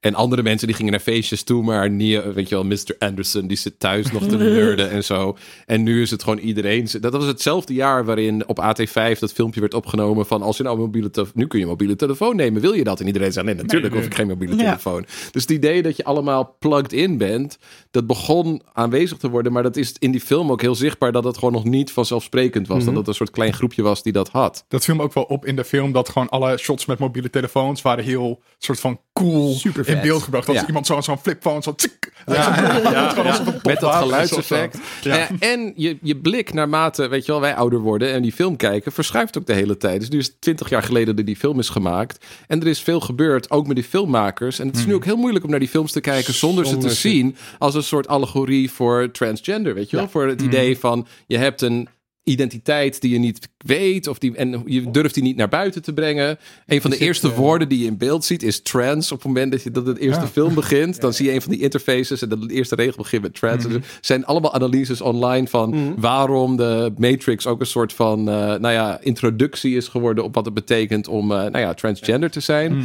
Dus er, er zijn allerlei manieren waarop die film niet één ding betekent, maar ook allerlei lagen van betekenis heeft opgebouwd. Ja, of dat, dat trans nog even... De, de, Mag heel even Terug? Ja, want ehm, hoe, hoe, eh, wanneer keek jij hem voor het eerst? En wat was toen jouw Ehm, reactie? ik weet nog... En ben je nu nostalgisch nadat wij hem wel in 99 zagen? Nee, niet per se. Maar ik, ik weet wel van... eh, in Videoland in Almere weet ik nog waar de Matrix stond. In een hoekje tussen de sci-fi films die ik niet mocht kijken. Want ik was Mhm. daar te jong voor toen we daar films gingen halen. En dat was het altijd van... Vriendjes hadden dan wel de Matrix gezien. En dan Met al die leren jassen en ja, ja, ja, en machinegeweren. En dat was Ja, echt ja, vet ja. cool Super voor zo'n tienjarige. Ehm, en volgens mij heb ik pas ergens in 2003, 2004 of zo gezien. Dus echt een paar jaar later. Ehm, en toen was het wel heel erg van... Oh mijn god, nu wil ik ook als van een bril aan hier. Als dat idee. maar en ook- toen dacht ook- je meteen, ik wil filosofie gaan studeren. Nee, ja, maar dat haal je natuurlijk helemaal niet uit als tienjarige op dat punt. eh. Maar je hebt ook, maar dat, dat vind ik dus ook raar. Dat bij, net als bij iets als Born in the USA van Bruce Springsteen of zo. Hè, wat een heel kritische maatschappij-kritische Mhm. plaat is. Maar die eh, in de jaren tachtig heel erg werd omarmd door Reagan. Omdat het ook heel bombastisch is. En dat de Ja. Amerikaanse vlag erop staat. Eh, zie je bij The Matrix dus ook. Het is een heel maatschappij-kritische film. Mhm. Het is heel erg, heel erg progressief in zijn politiek. En hoe die met gender en etniciteit omgaat. En met seksuele identiteit. Maar dat die ook in, in de jaren sinds hij is verschenen. En dat allemaal puberjongens hem op DVD gingen kijken. Dat die ook een onderdeel werd van een gamercultuur. Die ontzettend, ontzettend masculien en ontzettend agressief was. En het idee Club. dat Red Pilling, en net als Fight Club, ook een heel Ja. ambiguë, heel kritische film. Dat die een soort van werd overschaduwd of zo. Door dat publiek wat zei van ja, vette, weet je wel, vette actie. Ja. Neo is the chosen one. Ik ben ook zo iemand. Weet Ja, je maar wel. dat, dat, dat komt En ook natuurlijk door red de pilling als van- ja, van, van die film van er is een soort samensweringstheorie Ja. en jij kan de waarheid achter Ja. die theorie Ja. zien te Ja. vinden. Eh, en dat is ook Vals een beetje wat, bewustzijn, marxisme. ja, Ja, maar eh, dan kun je dus ook... Het, het, maar je ver- kan ook de andere kant Het is op. fascinerend Ja, hoe makkelijk dat... En dat hij dus dat red pilling dus ook zo is gehijacked door de MRA-beweging. En Ja. het idee van dat als je dus een red Men's pillar rights. bent... dan ben je dus iemand die de waarheid heeft gezien... dat feminisme samen met moslims of zo bezig zijn... met een cultuur marxistisch Misschien even, eh, complot. Voor, Fun- voor, voor fun sommige fact. van onze luisteraars Even even uitleggen wat MRA is. Eh, eh, Fun fact, eh, men's rights, eh. Men's rights activist. ja, ja. Fun, fun fact, eh, Tom ken ik omdat hij student was Ja. in mijn vak eh, Introduction to Gender and Sexuality Studies. Mhm. En zijn paper ging over... De Red Pill, een subreddit dat precies Ah, we hebben een Ja, deskundige aan Ja, tafel. Ja, ja, ja. Ehm, eh, ja, dat, dat, ik heb toen een paper geschreven eh, over een groepje mannen die eh, dan geredpilled waren en zagen de- eh, dat de wereld daadwerkelijk niet door mannen en het patriarchaat overheerst wordt, maar door het feminine imperatief. Eh, Juist. dus vrouwen Ja, ja, alleen ja, maar ja, ja. dient. En dat was toen, eh, ik had daar nog nooit van gehoord, dus dat vond ik heel leuk dat dat, dat, dat paper eh, kwam. Ehm, en het was toen heel klein, ehm, Ja. nog toen jij dat paper Ja, dat was schreef. 2015, 2016 of zo. Ja, en als je dus als je nu kijkt, zeg maar, waar we dus nou ja, Ja. vier, vier, vier jaar later zijn, dan ehm, met de hele instelbeweging en Forum voor Democratie en eh, Hartstikke mainstream geworden. super, super mainstream Ja. geworden. Ja. Het is ook grappig dat als ik dan zit ik die films het afgelopen weekend te kijken en erover Mhm. te tweeten en dan wil ik er dus gifjes bij plaatsen. Maar elke keer als je dus Matrix in die Krijg je gif allemaal interface nare doet, dingen. krijg je Ja. allemaal Peppy the Frog. Ja, en je ja, krijgt ja, allemaal ja. van die akelige alt-right dingen die, die ja, sowieso de Matrix What, if, what if I told you eh, is Ja, ook een heel precies. bekende meme. Ja, Ja, Ja, ja. nog even terug naar dat trans, want anders dan stappen we daar helemaal overheen. Ehm, wat interessant is, is dat, eh, oh, kom ik weer met weetjes, dat eh, het, het karakter van Switch, hè, er zit een, een dame in de film die heet Switch. Eh, oorspronkelijk was de bedoeling dat zij op het moment dat ze in de Matrix eh, eh, zich manifesteert, een ander geslacht zou hebben. Vandaar Ah, ja. ook Ja, ja, Switch. ja, ja, ja. Ah, Ehm, en dat speelt weer in op het idee dat je in de Matrix heb je de residual self-image. Met andere woorden, in de Matrix zie je jezelf zoals je echt jezelf voelt Ah, of ja, bent. ja, ja. Wat weer inspeelt op transgender zijn. Ja. Ehm, en Zo- echt hetzelfde. zo'n- Echt zo'n kritisch dingetje wat altijd, weet je wel, elke keer als ik denk van, maar de eerste keer dat Morpheus dat uitlegt, dan denk ik, ja, maar wacht even. Eh, Keanu Reeves die heeft dus vanaf zijn geboorte in zo'n Ja. tent gezeten. Hij heeft nooit Altijd een spiegel gezien. nee. Hoe weet hij hoe hij eruit ziet, weet je wel? Dus dat is natuurlijk zo'n ding, want het, ja, het is te moeilijk en om dat en dan te over, doen. over, over eh, Keanu Reeves, je zei het net al, eh, Mr. Anderson. Ehm, wat ook wel gezien wordt als, als een allegorie voor, voor transgender zijn, is dat ehm, de autoriteit in de Matrix, zijn baas, eh, Agent Smith, noemt hem consequent Mr. Anderson. Ja. Hij noemt zichzelf Neo en zijn vrienden noemen hem ook Neo. Dus hij identificeert zichzelf als Neo, maar het systeem identificeert hem als Mr. Anderson. Eh, dat is ook natuurlijk iets wat je als transgender meemaakt. Een soort dat je door microagressie die continu Ja, wordt uitgeoefend tot de laatste scène aan toe. Ja, ja, ja, heel mooi. Ja. Is Linda wel een beetje sceptisch kijken nu? Ehm, nou, omdat, ja, omdat het, eh, het, het, het, het, het gaat. Eh, het, het is niet de naam die jij gekozen hebt. Juist, precies. Ja, het is dat niet is jouw, het. jouw En- eigen en- keuze, niet jouw die identiteit eigenlijk. Die Nou, het is vooral nadat hij dus zichzelf manifesteert Ja. als Neo en dus ook in die andere wereld. Want in het begin is het natuurlijk logisch dat hij hem zo aanspreekt, maar vanaf het moment dat, hij, dat het duidelijk is dat hij niet meer als Mr. Anderson überhaupt Klopt. bestaat, En dan blijft hij hem zit, zo Er zit noemen. letterlijk Ja. een scène in, hè, waarin Ja. hij dan zegt Mr. Anderson. En dan zegt hij, my name is Neo. Ja. Nou ja. Fantastisch. Ja, ja, ja. Oh, heel mooi. Ja, nee, dus, je- dus daarover nadenkend, zeg maar. Ehm, er, ik ben natuurlijk onwijs eh, Judith Butler eh, adept. En eh, zij heeft het over de heteroseksuele matrix. Dus niet, Ja. eh, dus Gender Trouble, haar bekende boek, Ja. eh, zegt niet dat het een gendermatrix is. Nee, het is een heteroseksuele matrix waarin genders leesbaar moeten zijn. eh, eh, vanuit, het, vanuit het imperatief van ehm, eh, heteroseksualiteit.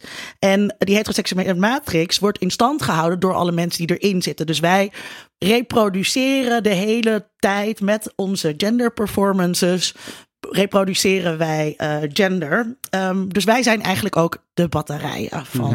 Koppertop. Oh, grappig. En dan is het ook echt, bedenk ik ineens, echt ook wel heel grappig dat in John Wick 3, hè, de, nieuwe, de nieuwe Keanu Reeves franchise, dat daar dan voor het, voor het eerst in een grote Hollywood film een, act- een, een acteur die zichzelf als genderneutraal presenteert en ook op die manier in de film voorkomt, met heel veel publiciteit eromheen. Dus heel, die film heeft heel veel lof gekregen voor het feit dat daar een genderneutrale acteur in in voorkomt en dat hij niet in een bepaald gender geduwd wordt. Dus maar dat is dus, want maar de film of, of ehm, eh, de film gaat heel erg over keuzes. Het is altijd of-of. Het zijn elke Mhm. keer dichotomieën, dichotomieën die je wordt voorgelegd. En in die zin is het dus niet queer. Queer theorie gaat over het omverwerpen Oh, van Matrix. categorieën. Ja, ja, ja. ja, ja, nee, en dat is dus hier eh, niet. Je moet kiezen. Ja. Ja, dat is inherent aan de, de manier waarop de Matrix natuurlijk gebouwd is door machines. Dat is, dat is tenminste zo zie ik eh, dat.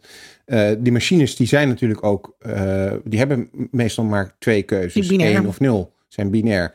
Dus het is ja of nee, het is de linkerdeur of de rechterdeur. En die zijn ook heel deterministisch in de zin dat het moet op een bepaalde manier gaan. Want het programma is geschreven om op dat punt uit te komen. Ja, maar, maar buiten de verhaalwereld is het volgens mij ook zo dat, dat je te maken hebt met twee eigenlijk nog heel jonge en onervaren filmmakers. De Ja, dat is een Wachowski-zusters. tweede film, eh, Bound. En die- die, hier een kans krijgen, hè, die, die krijgen van Joel Silver, een van de grote producenten van films zoals Die Hard en Lethal Weapon. Die mogen een actiefilm gaan maken met een miljoenenbudget.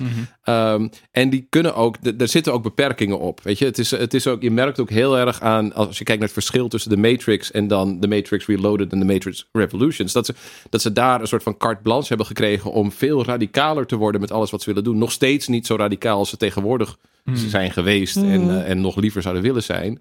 Maar dat, het, dat er wel eh, beperkingen op zitten. Dus Ja. je, je voelt ook wel heel erg van. Ze, ze, ze jeuken een beetje tegen die beperkingen aan, maar je voelt ze nog wel heel steeds. Dus het is minder radicaal dan we eigenlijk zag- zouden willen. Ik zag dus heel erg eh, een aantal scènes, eh, vooral eh, als het over de dansscènes, maar ook een aantal andere scènes die heel erg gaan over zintuigelijkheid, Ja. over eten, over seks. Heel duidelijk sense-8 eh, terugkomen. Bijna. Er Zeker in. Ja, ja. En er zit ook een hele duidelijke tegenstelling tussen eh, het ehm, dansen in eh, de echte wereld, hè, in Zion. Eh, het, het een beetje, nou ja, gewoon heel vleeselijk, sensueel, eh, zweet, eh, noem het maar op.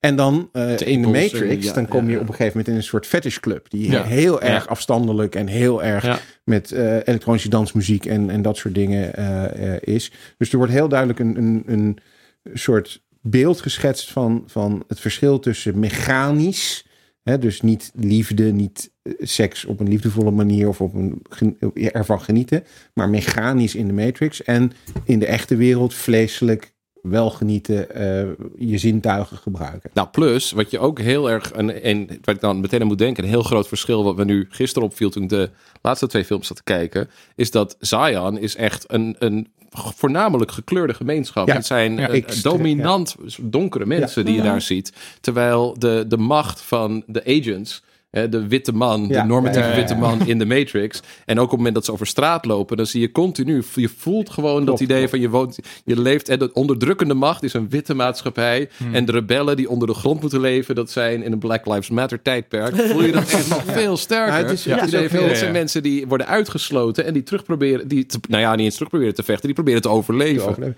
Je ziet het, eh, het grappige is dat in de, eh, een van de eerste scènes, als eh, Neo de deur open doet voor de man die de hackcode van hem gekocht heeft, en dan volgt hij het Mhm. Volgt witte konijn, White Rabbit, ja. eh, dan zegt die man ook tegen hem, eh, hij, hij ziet er namelijk bleek uit. Nou, Dan, hoe vertalen wij bleek in het Engels? Pale. Een peel, ja. ja Maar wat zegt hij? You look whiter than normal. Ja. En eh, het is inderdaad precies wat, wat jij net zegt. De, de, de man is Ja. wit. In, Ja, de, in ja, de Matrix is bijna iedereen eh, eh, wit. En eh, de Matrix in de zin van het, het ding, computer, ding. de Ja, simulatie. de. Eh, terwijl inderdaad in Zion is het eh, veel gekleurder dan dat wordt het niet. In die zin is het nog steeds, gek genoeg, 20 jaar later, vrij vooruitstrevend.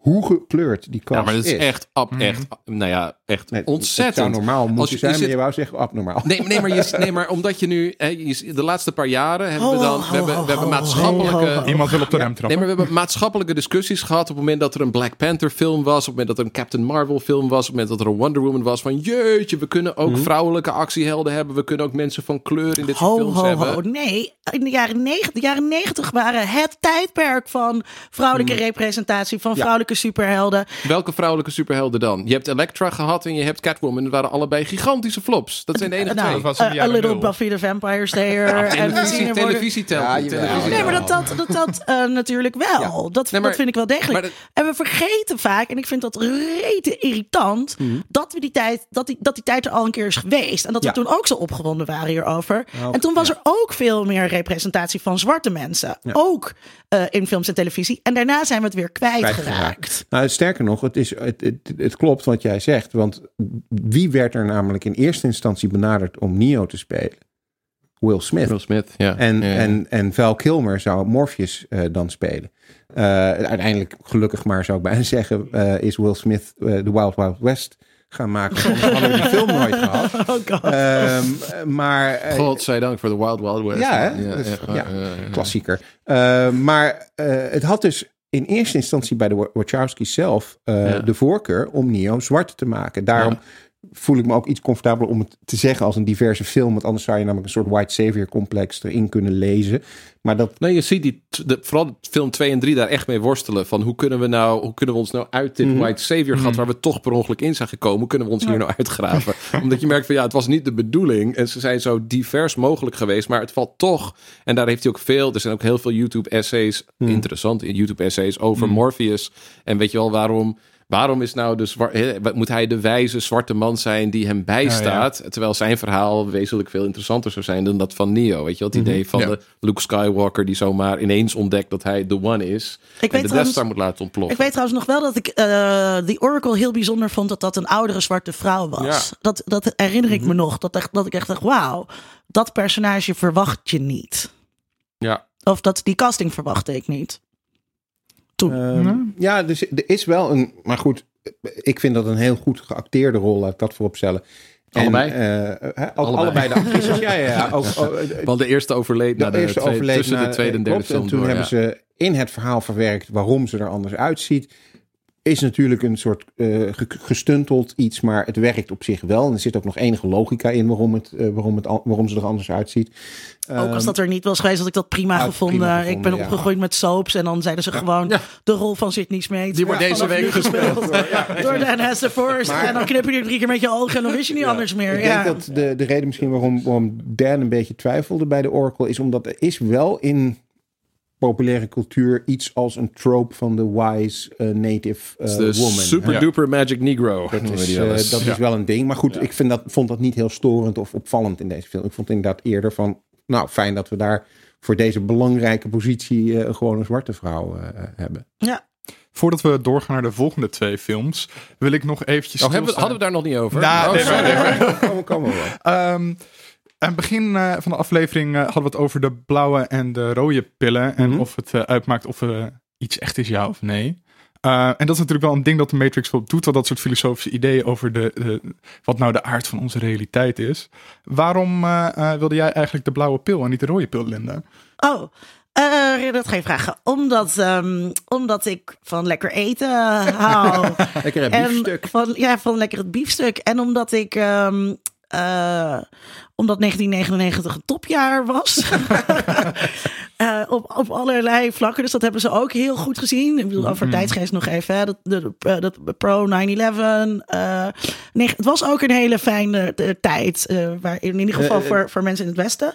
eh, voor witte mensen in het Westen. Ja. Ehm, ja, dus nee, voor mij, eh, ik zou niet weten waarom je daaruit eh, Zou willen. eh, zou het willen. Is. omdat, ja, maar oh, dat is natuurlijk ook, dat, daar heb ik heel erg mee uh, gezeten. Er is geen enkele reden om aan te nemen dat de echte wereld van de Matrix echt, echt Ja. is. Sterker nog, die machinewereld, het Oracle noemt het de machinewereld, is een spiegel van, van de Matrix. Um, en hoe kan het anders dat Smith dan possession neemt van Bane, als die wereld niet ook digitaal is? En, en, dat het, Neo en, zijn krachten daar nog steeds werken. en alle twee de werelden zijn een game, heel, heel Ja. duidelijk. Ja, dus hoe ver Eh, dat ja. Drost-effect doorreikt Ja. is... eh, Ja, dus, dus Maar dat ehm, wordt vooral in de tweede film heel duidelijk. Hè? Dat, dat, en dat, dat is ook knap, voor dat, daar gaan we het zo over hebben. Hmm. Knap aan die tweede film, dat je, door, dat je met de tweede film wordt de eerste film opeens heel anders. Ja. Maar, maar dus nog even over de. Dus, ehm, eh, en in de, in de Matrix ehm, heb- zijn de mensen eigenlijk een soort van gelukkig. En in de machinewereld eh, de Is niemand machines. gelukkig. Nee, En in de niet. echte wereld Maar- is maar- niemand Nee, gelukkig. in Maar de echte wereld is niemand gelukkig. Ehm, maar dus, dus het. ehm, ja, je zit daar op een hele onhandige eh, plek. Je bent de hele tijd bang voor je leven. Terwijl in de Matrix heb je gewoon, ja, ik, ik heb een leuke baan Ja. In ja. deze wereld. Het is een, en eh, laat, me, laat mij lekker. Ja, Ja, het is een, eh, misschien dat Tom daar meer over Mhm. weet vanuit de filosofische achtergrond. Maar er is inderdaad een, een stroming die zegt van kijk, als ik verslaafd ben aan drugs of aan alcohol, ehm, dan zullen de meeste mensen zeggen je moet van die verslaving af en eh, je moet eh, je leven op orde krijgen. Maar ik kan ook kiezen om die verslaving voort te zetten, om daarin door te gaan. Is dat een legitieme keuze? Mag ik die keuze maken? Is het ook wel een vrije keuze? Of je, als je verslaafd bent, om, kun je dan En überhaupt maakt wel het uit of die keuze vrij is, ja. en is, is dat inderdaad, en datzelfde, eh, dat, meer is echt niks mis met mijn verslaving. Nee, ik precies. functioneer prima. Nee, maar, maar, maar dat is dus een, een dat is zeker- een verslaafde zou Waar zeggen. bemoei je mee? Is er eigenlijk nog meer wijn? Nou ja, in de, in de jaren, ja, ik zal zo ook wat meer wijn eh, inschenken. Eh, in de jaren 70, 60, 70 was dat ook echt een, een, een serieuze overweging. Hè? Van ja, maar waarom zou ik niet mogen kiezen voor de verslaving eh, en daar gewoon gelukkig mee zijn? Hetzelfde geldt natuurlijk tot op zekere hoogte voor slavernij. Dat is denk ik de meest rechtstreekse parallel. Ehm, ja, er, er waren ook slaven die eigenlijk liever slaaf wilden blijven. En daar kun je een heleboel, eh, eh, nou ja, denk ik, terechte kritiek op hebben waarom dat helemaal geen vrije keuze is en waarom dat heel problematisch is. Heeft Kanye West het aan je verteld? nee, nee, nee, nee, Ja, nee, nee, nee. nee, nee, Laten we daarvan wegblijven, alsjeblieft. Nee, nee, nee. Maar gelukkig, dat, dat is een, op, een, vind ik op zich nog steeds wel een interessante vraag die je kunt stellen van, is het een legitieme keuze om onderdrukt te willen blijven in feite? Dat is, dat is wat, je, wat je kiest. Als je zegt, nee, nee, nee, nee, nee, want ehm, dat, dat werkt, het, het werkt namelijk alleen als je eh, geen eh, weet hebt van je onderdrukking. Ja, maar dat, dan kan je ook niet kiezen voor de eh, blue pill. Als je.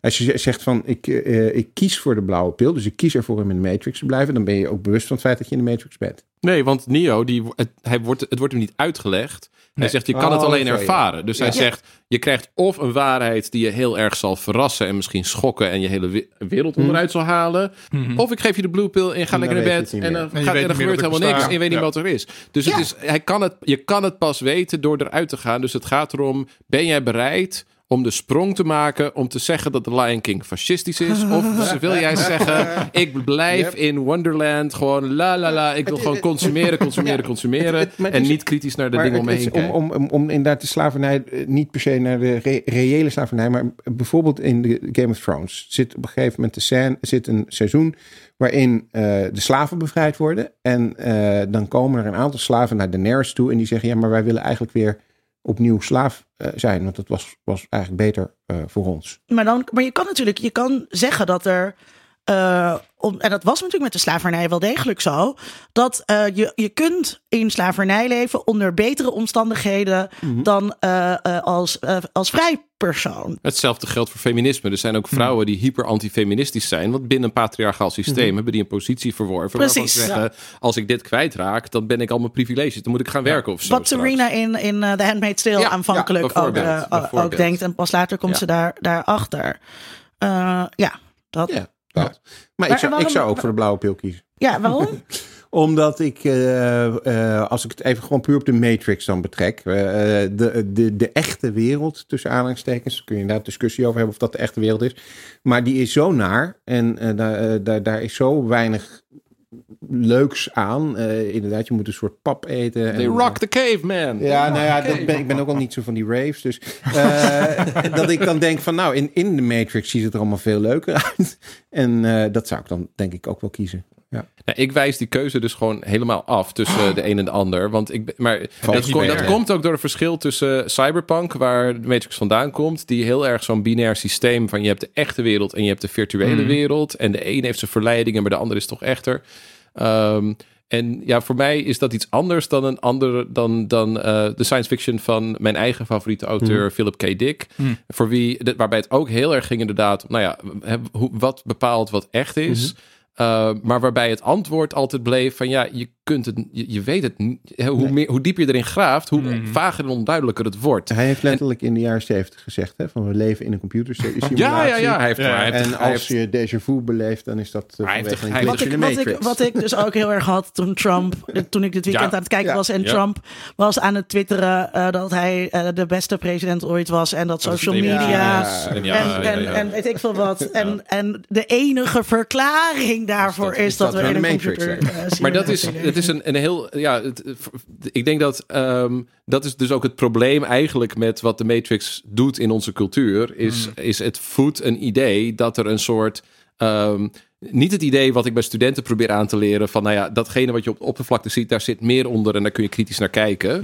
Ehm, dat is iets anders dan zeggen, er is een samenswering aan de hand die verklaart waarom jij je machteloos voelt. Ja, en, en dat, is, is- en dat ja. is iets wat de Matrix wel, ja, wat veel van dit soort science fiction dingen in zich hebben. Van er is een soort ver- verzwegen imperium, of je nou een deep state wil noemen, of cultuurmarxisme, of je wil het vanuit de linkshoek, wil je zeggen, het is allemaal het kapitalisme dat alles regeert. ideologie allemaal. En alles is dominante ideologie. Het, dat zijn te simpele verklaringen voor een veel te complex En systeem. dat, dat is ook het punt waarom eh, de film is heel erg gebaseerd op Baudrillard's eh, werk, op uh, Simulacra en Simulation. nou, is, is gebaseerd, maar- geïnspireerd. Ja, uh, zoals The Lion King door Hamlet is geïnspireerd. Ja, maar niet um, erop gebaseerd. Maar eh, ik bedoel, de Wachowski's hebben dat er wel heel erg dik bovenop gelegd, dat ze naar Baudrillard hebben gekeken. Nou ja, Het ze hebben een stukje, het boek zie je eventjes het, het in was verpli- het was verplichte kost voor alle acteurs eh, om het te lezen. En ook dat Baudrillard eh, uiteindelijk zei uh, van... The Matrix is surely the kind of film about the Matrix that the Matrix would have been able to produce. Ja. En je weet wat Keanu Reeves toen zei, hè? Nee? Wow. maar, maar ik vind dus, ehm, ehm, wat, wat dan grappig is ook, is dat hij bewaart zijn, Neo bewaart zijn geld in... eh, Dat is een goed geluid. Plop, jee, plop is het geluid dat al- alcoholisten Dan en Linda blij maakt. Eh, maar dus hij, hij bewaart zijn geld in dat boek en de pagina's zijn er dan ook uit. En, toen, en toen zat ik ook... ehm, eh, Het is niet heel handig om je auteur een eh, hommage te brengen. op die, op die Hier, manier. het boek, hier, we hebben je We boek hebben in onze gelezen. film. De Ja. pagina's zitten er niet in, hoor. Maar Maar het is dus, dus, dus, dus het is ook geen... Wel welk hoofdstuk? eh, Annihilism. Oh ja, Annihilism, dat ook nog. Maar het is, het is dus ook geen niet een soort verwijzing, maar het is gewoon een, een metagrap Ja. Ja. over Ja. hyperrealiteit. ja. Hmm. Ja, maar dat, dat, ik weet niet of... De, ja, de Baudrillard haalde dat er dus zelf niet Nee. uit op die manier. Ja, de Waka- Ik weet Wachowski's niet hoe, wel wat voor gevoel voor humor Baudrillard... eh, Waarschijnlijk geen. Nee, maar voor Franse Wachowski's filosofen die zullen eh, altijd zeggen van het is hè, de, de, de, onze realiteit is ingewikkeld en alles is het Ja. tegenovergestelde en ook ook wat ik bedoel is eigenlijk het tegenovergestelde van wat ik zeg. Dus een film die dat terugbrengt. Ja, maar dat is echt voor, Ja, zeker voor, voor Baudrillard. En eh, in, in zo'n film als The Matrix is het natuurlijk gewoon... Die zeggen, er is een hele andere werkelijkheid. Wow, vet man. Ja. En die is hyper en alles. En, en, dat is, en zij snappen ook dat voor een Hollywoodfilm... is dat al heel veel heftige inhoud Ja. om erin te stoppen. Voor een Franse filosoof is dit echt een soort van, weet je wel... alinea 1 van jouw scriptie. Dat je- dus, dus voor hem was Ja, het ook je inderdaad gaat van, er ja, ook dat van, gewoon eh, eh, gekletst. Het zijn kopieën zonder origineel Nee, of zo. Ga je niet nog een keertje erin Weet je, gooien. wel, Ja, ga naar Synecdoche New York kijken en ga het dan hebben over Baudrillard's De- Simulacra. En Ja. dan komen, weet je wel, dan komen we bij hem terug. Maar dat is niet de Matrix. Nee, de Wachowski's of, hebben dat zich wel aangetrokken. Want die, eh, nou, die hebben dat meegekregen dan Baudrillard, die er niet zo heel blij mee was. En eh, die hebben geprobeerd daarom ook, mede daarom ook, om in de volgende films iets meer... Een iets meer doordachte filosofie eh, aan te brengen. Oh, hebben we Wat een, nu goed, over- hebben wat we een goed brugje naar de tweede film. Yay! Oh, oh, mag ik? Mag ik? Ja, je mag daar. Oh, mag ik- mag ik, nee, ik, Nee, ik oh, heb nog twee, ik heb nog niet. twee eh, vragen. Waarom moeten ze eigenlijk buiten Zion vliegen om de Matrix te kunnen hacken? Om- Omdat iets met bereik. Diepte, ja. Zion zit tegen de kern van de aarde aan, omdat het de enige plek is waar nog warmte is. En dat is zo diep dat je geen signaal hebt, net als met je mobiele telefoon. Oh, oké. En ehm, ehm, waar hebben de machines al die energie voor nodig? Wat doen ze naast mensen uitzuigen? Wat is hun purpose? Oké, maar dat is de plek. Raison d'être. Eh, Kijk, d- dat is volgens mij waar gewoon de Matrix helemaal uit elkaar valt. Ja. En waar heel veel mensen ook al hebben uitgelegd van ja, maar een systeem waarbij machines dus mensen kweken Hmm. om een, de energie die zij leveren. Dat slaat nergens op, want je moet er altijd veel meer energie in stoppen dan wat je eruit terug En het, was ook, uit de zo- zo- het, is warmte. een, het is een combinatie tussen nucleaire fusie Ja. en mensen als batterijen. Dus gewoon, waarom Ja, hebben ze dus- niet alleen maar nucleaire Ja, energie dus, dan? Eh, dus het, het werkt heel mooi symbolisch. Van wij zijn allemaal een soort slaven van een, zonder dat we dat weten, Van een gigantisch machine. systeem. Maar als je het gaat bedenken van hoe werkt dat dan technisch, dan valt dan slaat Ja. het Nou, maar de, de- wat Linda vroeg was eh, niet zozeer hoe het technisch werkt, maar wat nou het doel van de machines is. Hè? Van wat, wat is hun... Ja, maar dat, Purpose? dat haakt, dat, dat, dat Nou, hangt dat- daaraan. dat weet ik niet, Want, want ze ik- hebben ze helemaal niet nodig. Nee, maar ik denk dat het doel van de machines, net zoals het doel van de machines in de Terminator, et cetera, et cetera, et cetera. eh, omdat het machines zijn, hebben ze een bepaalde programmering. En die programmering, die proberen ze iedere keer uit te voeren. En eh, ja, als die programmering is, eh, je moet meer machines maken. Of je moet, nou ja, eh, mensen gebruiken als batterij. Ik weet niet wie ze daartoe geprogrammeerd. Is er wel Andere wat over te zeggen, maar goed. Eh, dan is dat hun, hun doel. Dan is dat dus waarom ze bestaan. Om, om gewoon hun programmering voort te zetten en, en af te maken. Maar als je En- de Animatrix kijkt, Juist. met eh, de, Second Renaissance, dan, zie je dat de, De, eerste... beste Matrix film. eh, ehm, eh, dan, dan zie je dat die, die eerste robot die zelfbewust wordt, Mhm. wordt gewoon zelfbewust. Die gaat over zichzelf Ja. nadenken en wil niet meer onderdrukt zijn. Nou, hij, Dus wil niet, daarmee- hij wil niet sterven. Dat is het Ah, eigenlijk. Hè? Hij zegt, ja. eh, hij wordt. eh, het verhaal is dat de robot vernietigd gaat worden, omdat het gewoon een nieuw en beter model eh, is. En hij zegt dan: nee, ik wil niet vernietigd worden. En hij maakt dan zijn meester en, en zijn chihuahua's dood. Ja, en dan, en dan gaan ze. Dan, Dan, dan, dan, hebben ze. staan wat ze willen. Dan, dan vormen ze eh, hun eigen natie. eh, Ja. En dat begrijp ik. Eh, Zero en ze, ze, ze ondermijnen de, de wereldeconomie van de, van de mensen. Mhm. Dat snap ik. Maar dan, dan is er dus een soort wraak.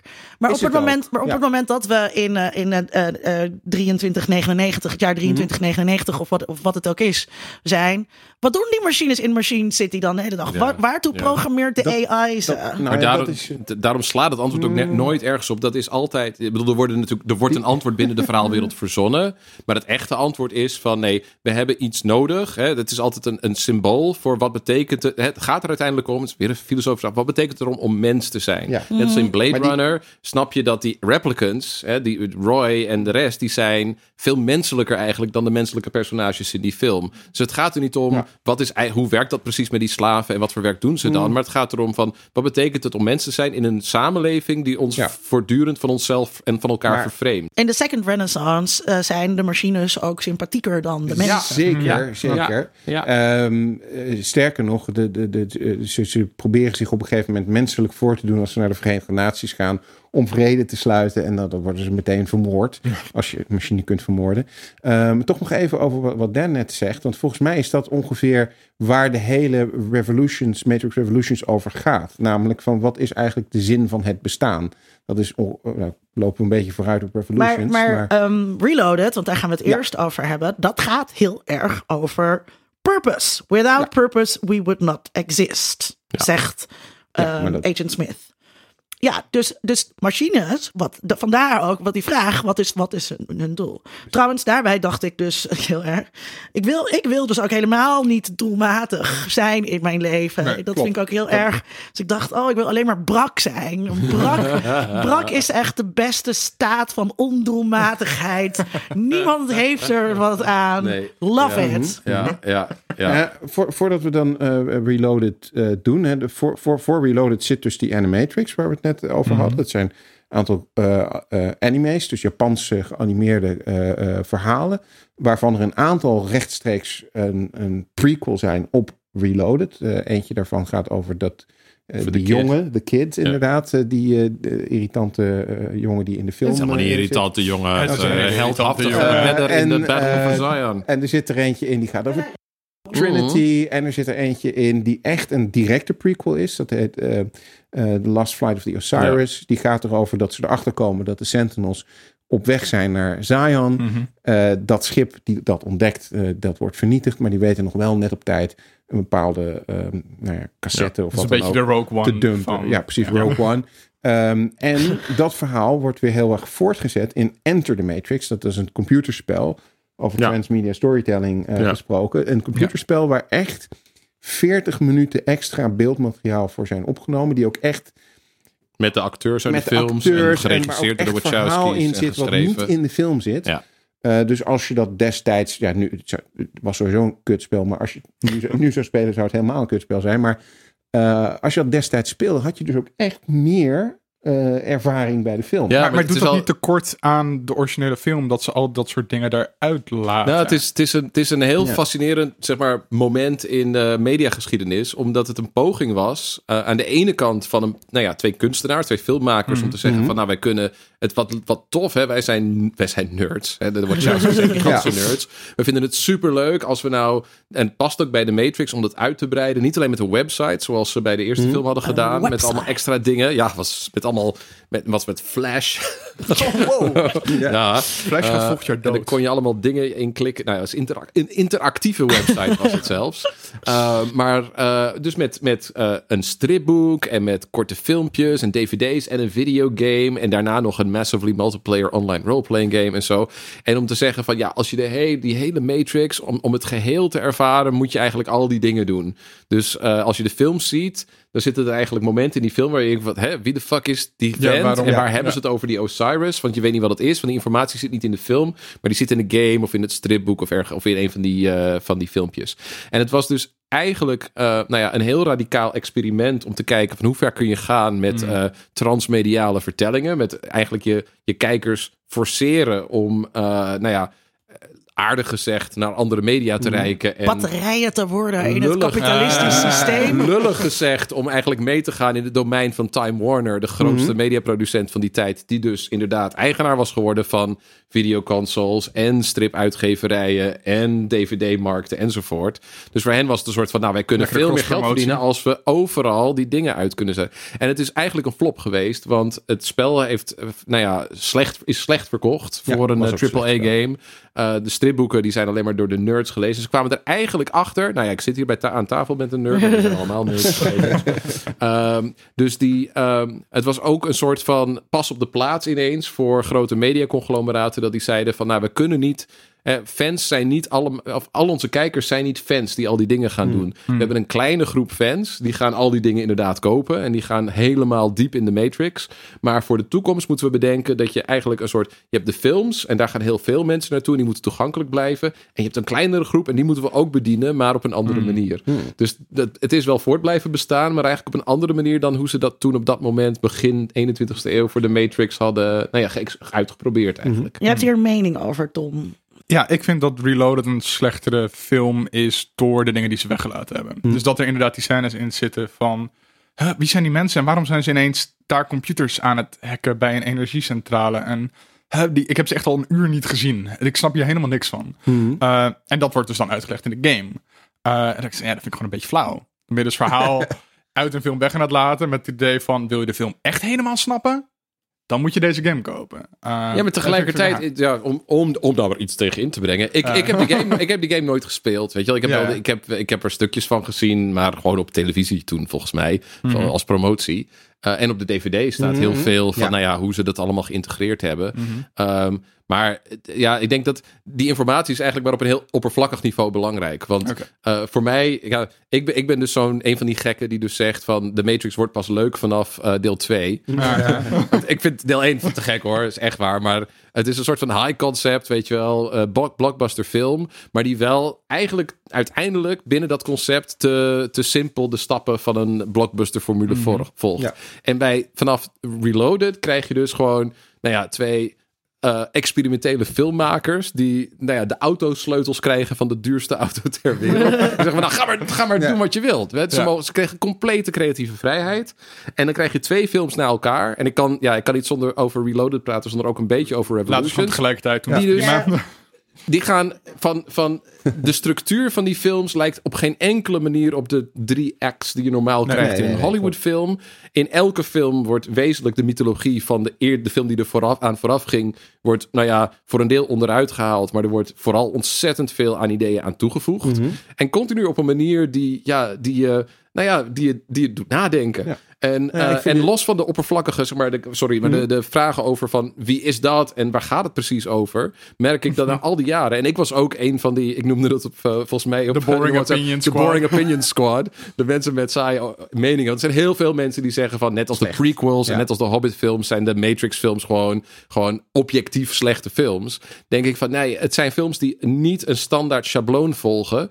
En die zeker, nou ja, voor mij dus, hoe vaker ik ze kijk, Mhm. hoe meer ik ze ben gaan waarderen. Omdat ze me, nou ja, na twintig jaar nog steeds blijven verrassen. Ik vond bij Reloaded, ehm, ik, heb- ik vond dat dus vroeger eh, eh, en Revolutions al helemaal eh, slechte films, omdat ik niet tegen Trinity, ik kan slecht tegen Trinity, Carrie Ann Oh Moss. ja, had ik ook wel een En, beetje. ik kan, ja. en ze hebben nul chemie, Neo en Trinity, totaal ongeloofwaardig. Ja, maar dat komt wel ook door ze allebei, hoor. Dat komt- ja. dat ligt natuurlijk ook misschien aan Keanu, maar, maar Keanu is fucking Keanu Reeves. Dus, Geen maar, maar- We, zijn, we leven nu in piek Keanu. Ja, precies. Maar, maar ehm, en dat verblinden, daar, daar zat ik toen heel erg Ja. eh, mee. Terwijl toen nu dus Reloaded aan het kijken was, voordat jij eh eh daar op los ging, dacht ik dus, eh, toen dacht ik ook, wauw, dit is eigenlijk een hele goede film. Ja. Eh, En het gaat heel erg over determinisme, over vrije wil. Ik moest er heel erg veel over, over nadenken. Ja, precies, ja. Wat ik toen dus helemaal Niet deed. ehm, eh, niet deed. Niet omdat ik dat toen eh, niet kon, maar omdat ik ook met een andere mindset, denk ik, naar die films Ja, eh, misschien. Ja, wel ja. niet, niet, niet kon, maar niet in de zin van dat je niet slim genoeg was. Maar als ik op mezelf betrek, niet kon, omdat ik het te veel in de context van de eerste film en wat ik daar cool aan vond, eh, zag. Ja, Eh, ja, dat had de ook, eerste ja. film was zo'n totaal andere film dan die andere twee. Ja. eh, dat je, als je het over, hebt, over niet kunnen hebt, eh, dat ik toen in ieder geval niet in staat was om die andere twee films los te zien van wat Ja. ik had gehoopt of Hmm. gedacht dat ik zou krijgen. Ja. Van, van- Ja, maar, maar ook los van de franchise zelf, dat je toch blijkt, nee, dat ik, als ik terugdenk aan hoe ik er toen inderdaad naar keek, Mhm. denk ik, ik had een heel duidelijk idee, een beeld van wat een zo'n soort science fiction blockbuster moest opleveren. En dan ga je bijvoorbeeld naar Revolutions kijken en dan zit je het eerste half uur of zo van die film. Matrix, Neo die zit niks. vast in een, Nee. in een bizarre ja. ondergrondse. En die praat met een Indisch eh, gezin die een computermeisje, of die een, een, een, een computerprogramma meisje proberen veilig te stellen. De, een dialoog over het concept van liefde ineens. ja, eh, en Ja, er is geen ja. actie, er is geen, het team is uit elkaar gehaald. Er- je, je, je weet niet eens precies wie B nou ook weer precies was en hoe Ja, dat zat.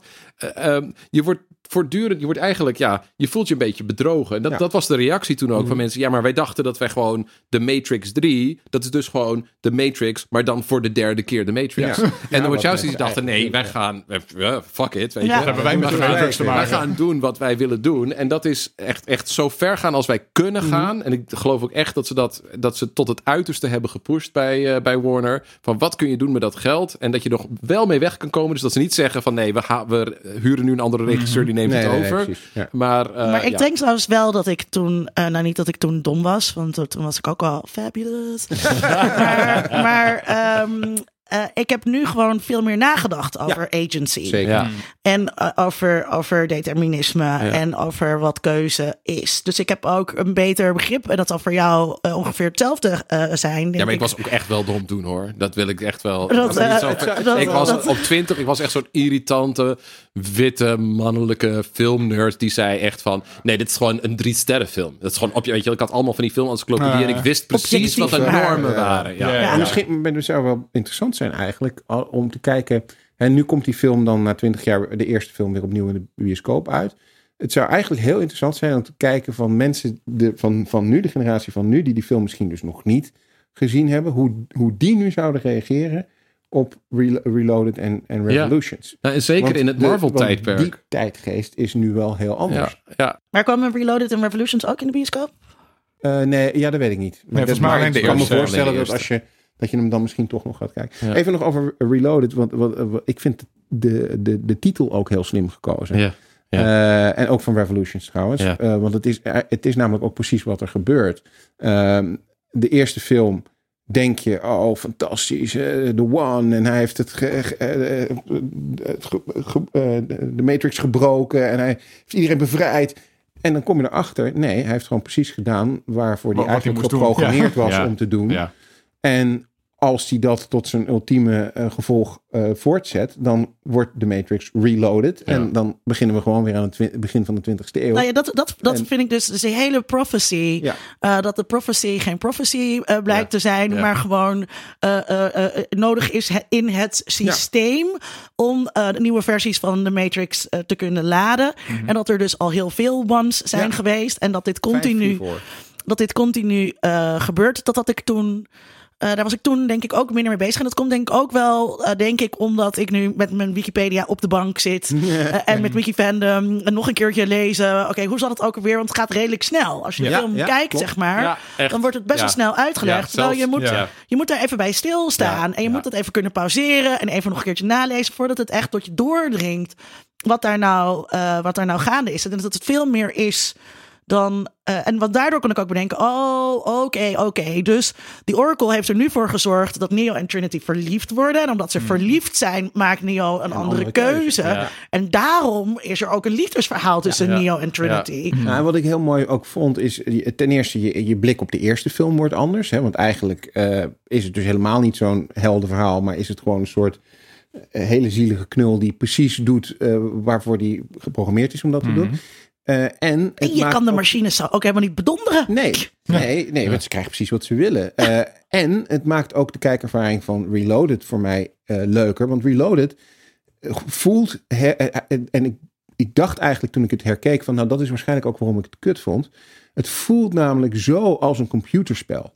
Je bent de hele tijd missie aan het oplossen. Weer een missie. Je hmm. krijgt de volgende aanwijzing. Ja. Het is het gewoon ziet er soms ook uit als zo'n computerspel. Ja, maar het is ook qua verhaal een computerspel tot op zekere hoogte. En dat is logisch. Want het is gewoon een programma wat uitgevoerd wordt. Ja. De, Mer de Merovingian zegt dat ook. It's ja. just a game. Uh, uh, de, Matrix, de Matrix is een, is een spel.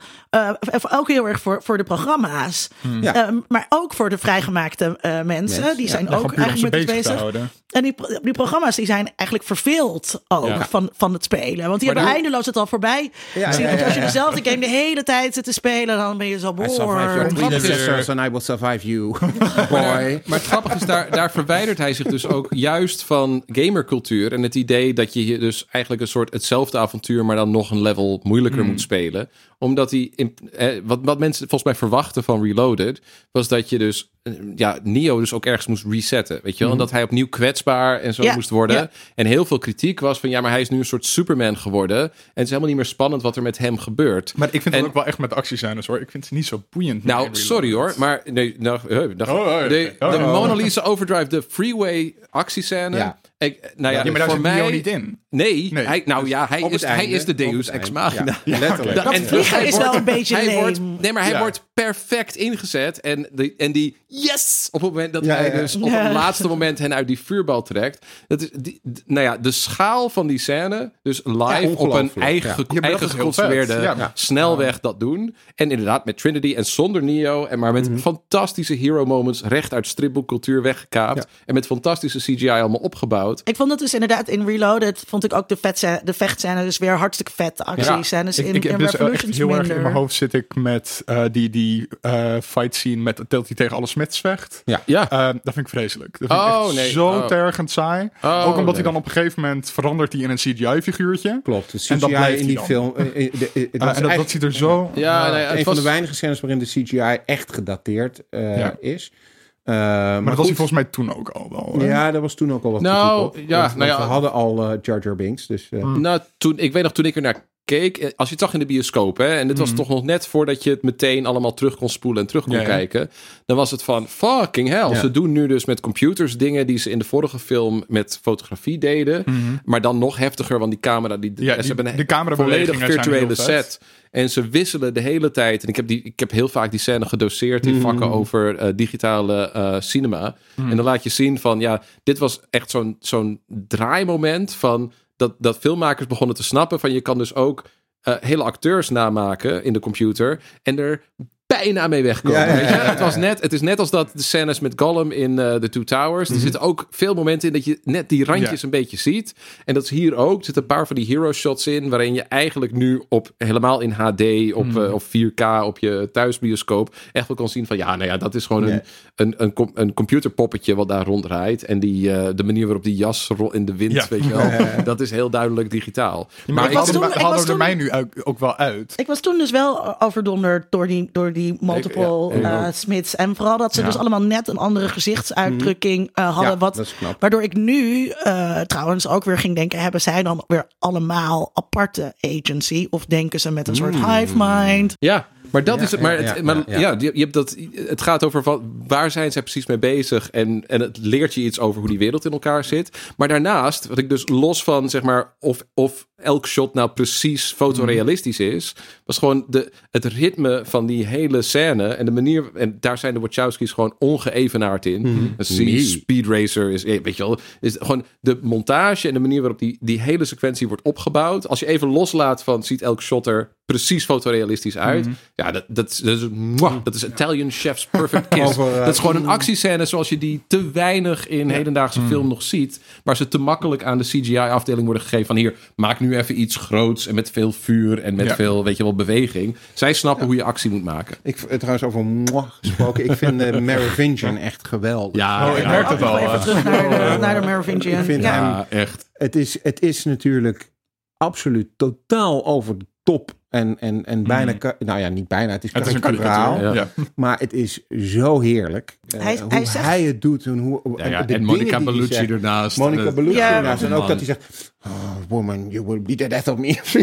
Ja. En dan zegt ze... En, en- en die scène ook... Ja, het is, het is natuurlijk... Maar dat ze dan eh, eh, zegt van... Ja, er zit nog lippenstick eh, op je. Ja, ja, ja, hij, ja. nou, Dat staat niet op je waar, waar, waar. Ja. Ja, maar ze was ook niet je, je mond aan het kussen. Ja, ja, ja. Hij, hij- Heerlijk. Hij zegt dus nog een citaat dat ik had opgeschreven. Hij zegt: eh, Choice is an illusion created by Yes. the powerful. Yes. Ja. Oh, en dat is, en dat is eh, natuurlijk, dus ik vond het sowieso allemaal ook heel erg over kapitalisme gaan. Ja. Eh, ehm, maar, maar ehm, en dat komt dus ook weer samen met die, met die prophecy. Ja. Eh, Neo kiest natuurlijk eigenlijk Niet. ook niet. Nee. het Nee. is een illusie dat hij Juist. kiest. Made by the powerful, ehm, die hem dat eigenlijk allemaal laten Ja. doen. Inclusief de Nou, Oracle. En, en Ja, om ja. dat politieke Ja. element in te haken, wat, ik- wat ik me nu voor het eerst opviel toen ik de laatste twee, toen ik ze allemaal achter elkaar keek. En vond ik, altijd, ik vond altijd Cypher een zwakte. Ik hou heel erg van die acteur die Cypher speelt. Uh, Mhm. hoe, heet- hoe heet ik weer? Uh, hij zit ook Hij in The zit in Sopranos. Hij zit in Midnight Run. Fantastisch acteur. Mhm. Maar ik altijd zo'n cliché om één iemand te hebben die eigenlijk, weet je wel, die is onderdeel van de rebellen, maar die gaat ze uiteindelijk verraden. Die nog net niet draaien. ja, ja, ja.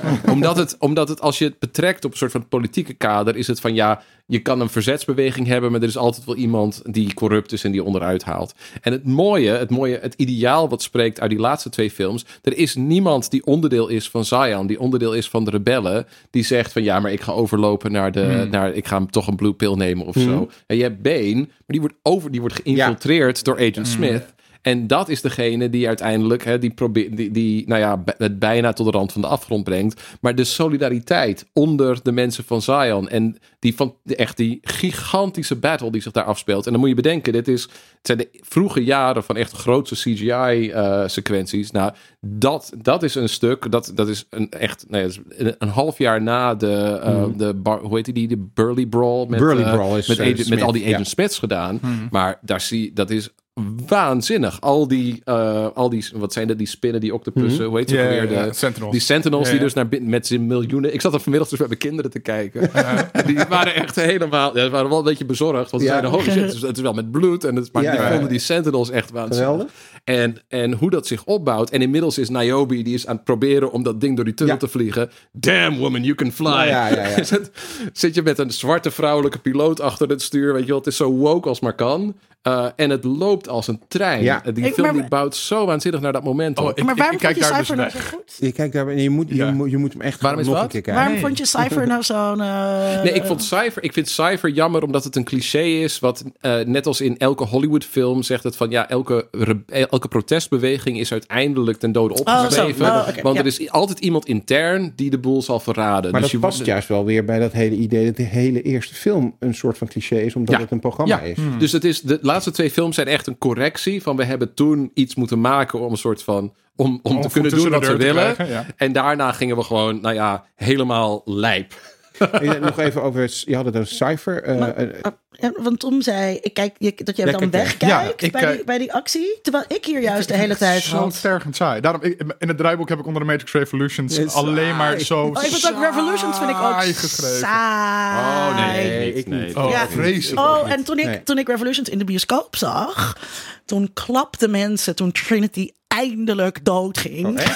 ja, omdat het Oh. ook, het duurt lang. Die scène duurt lang. nee, ik vind... eh, Revolution- Die already, Ja. echt. Voordat we Revolution doen, nog even Seraph. Dat is eh, de, de, de beschermer van de Oracle. Hè? Dat, is Ja. die, eh, ehm, dat was ook iets waar ik bij herkijken eh, meer waardering voor kreeg. De eerste Ja. keer dat ik het zag, namelijk, had ik zoiets van... wat een zinloos gedoe dat hij nou met Neo gaat vechten.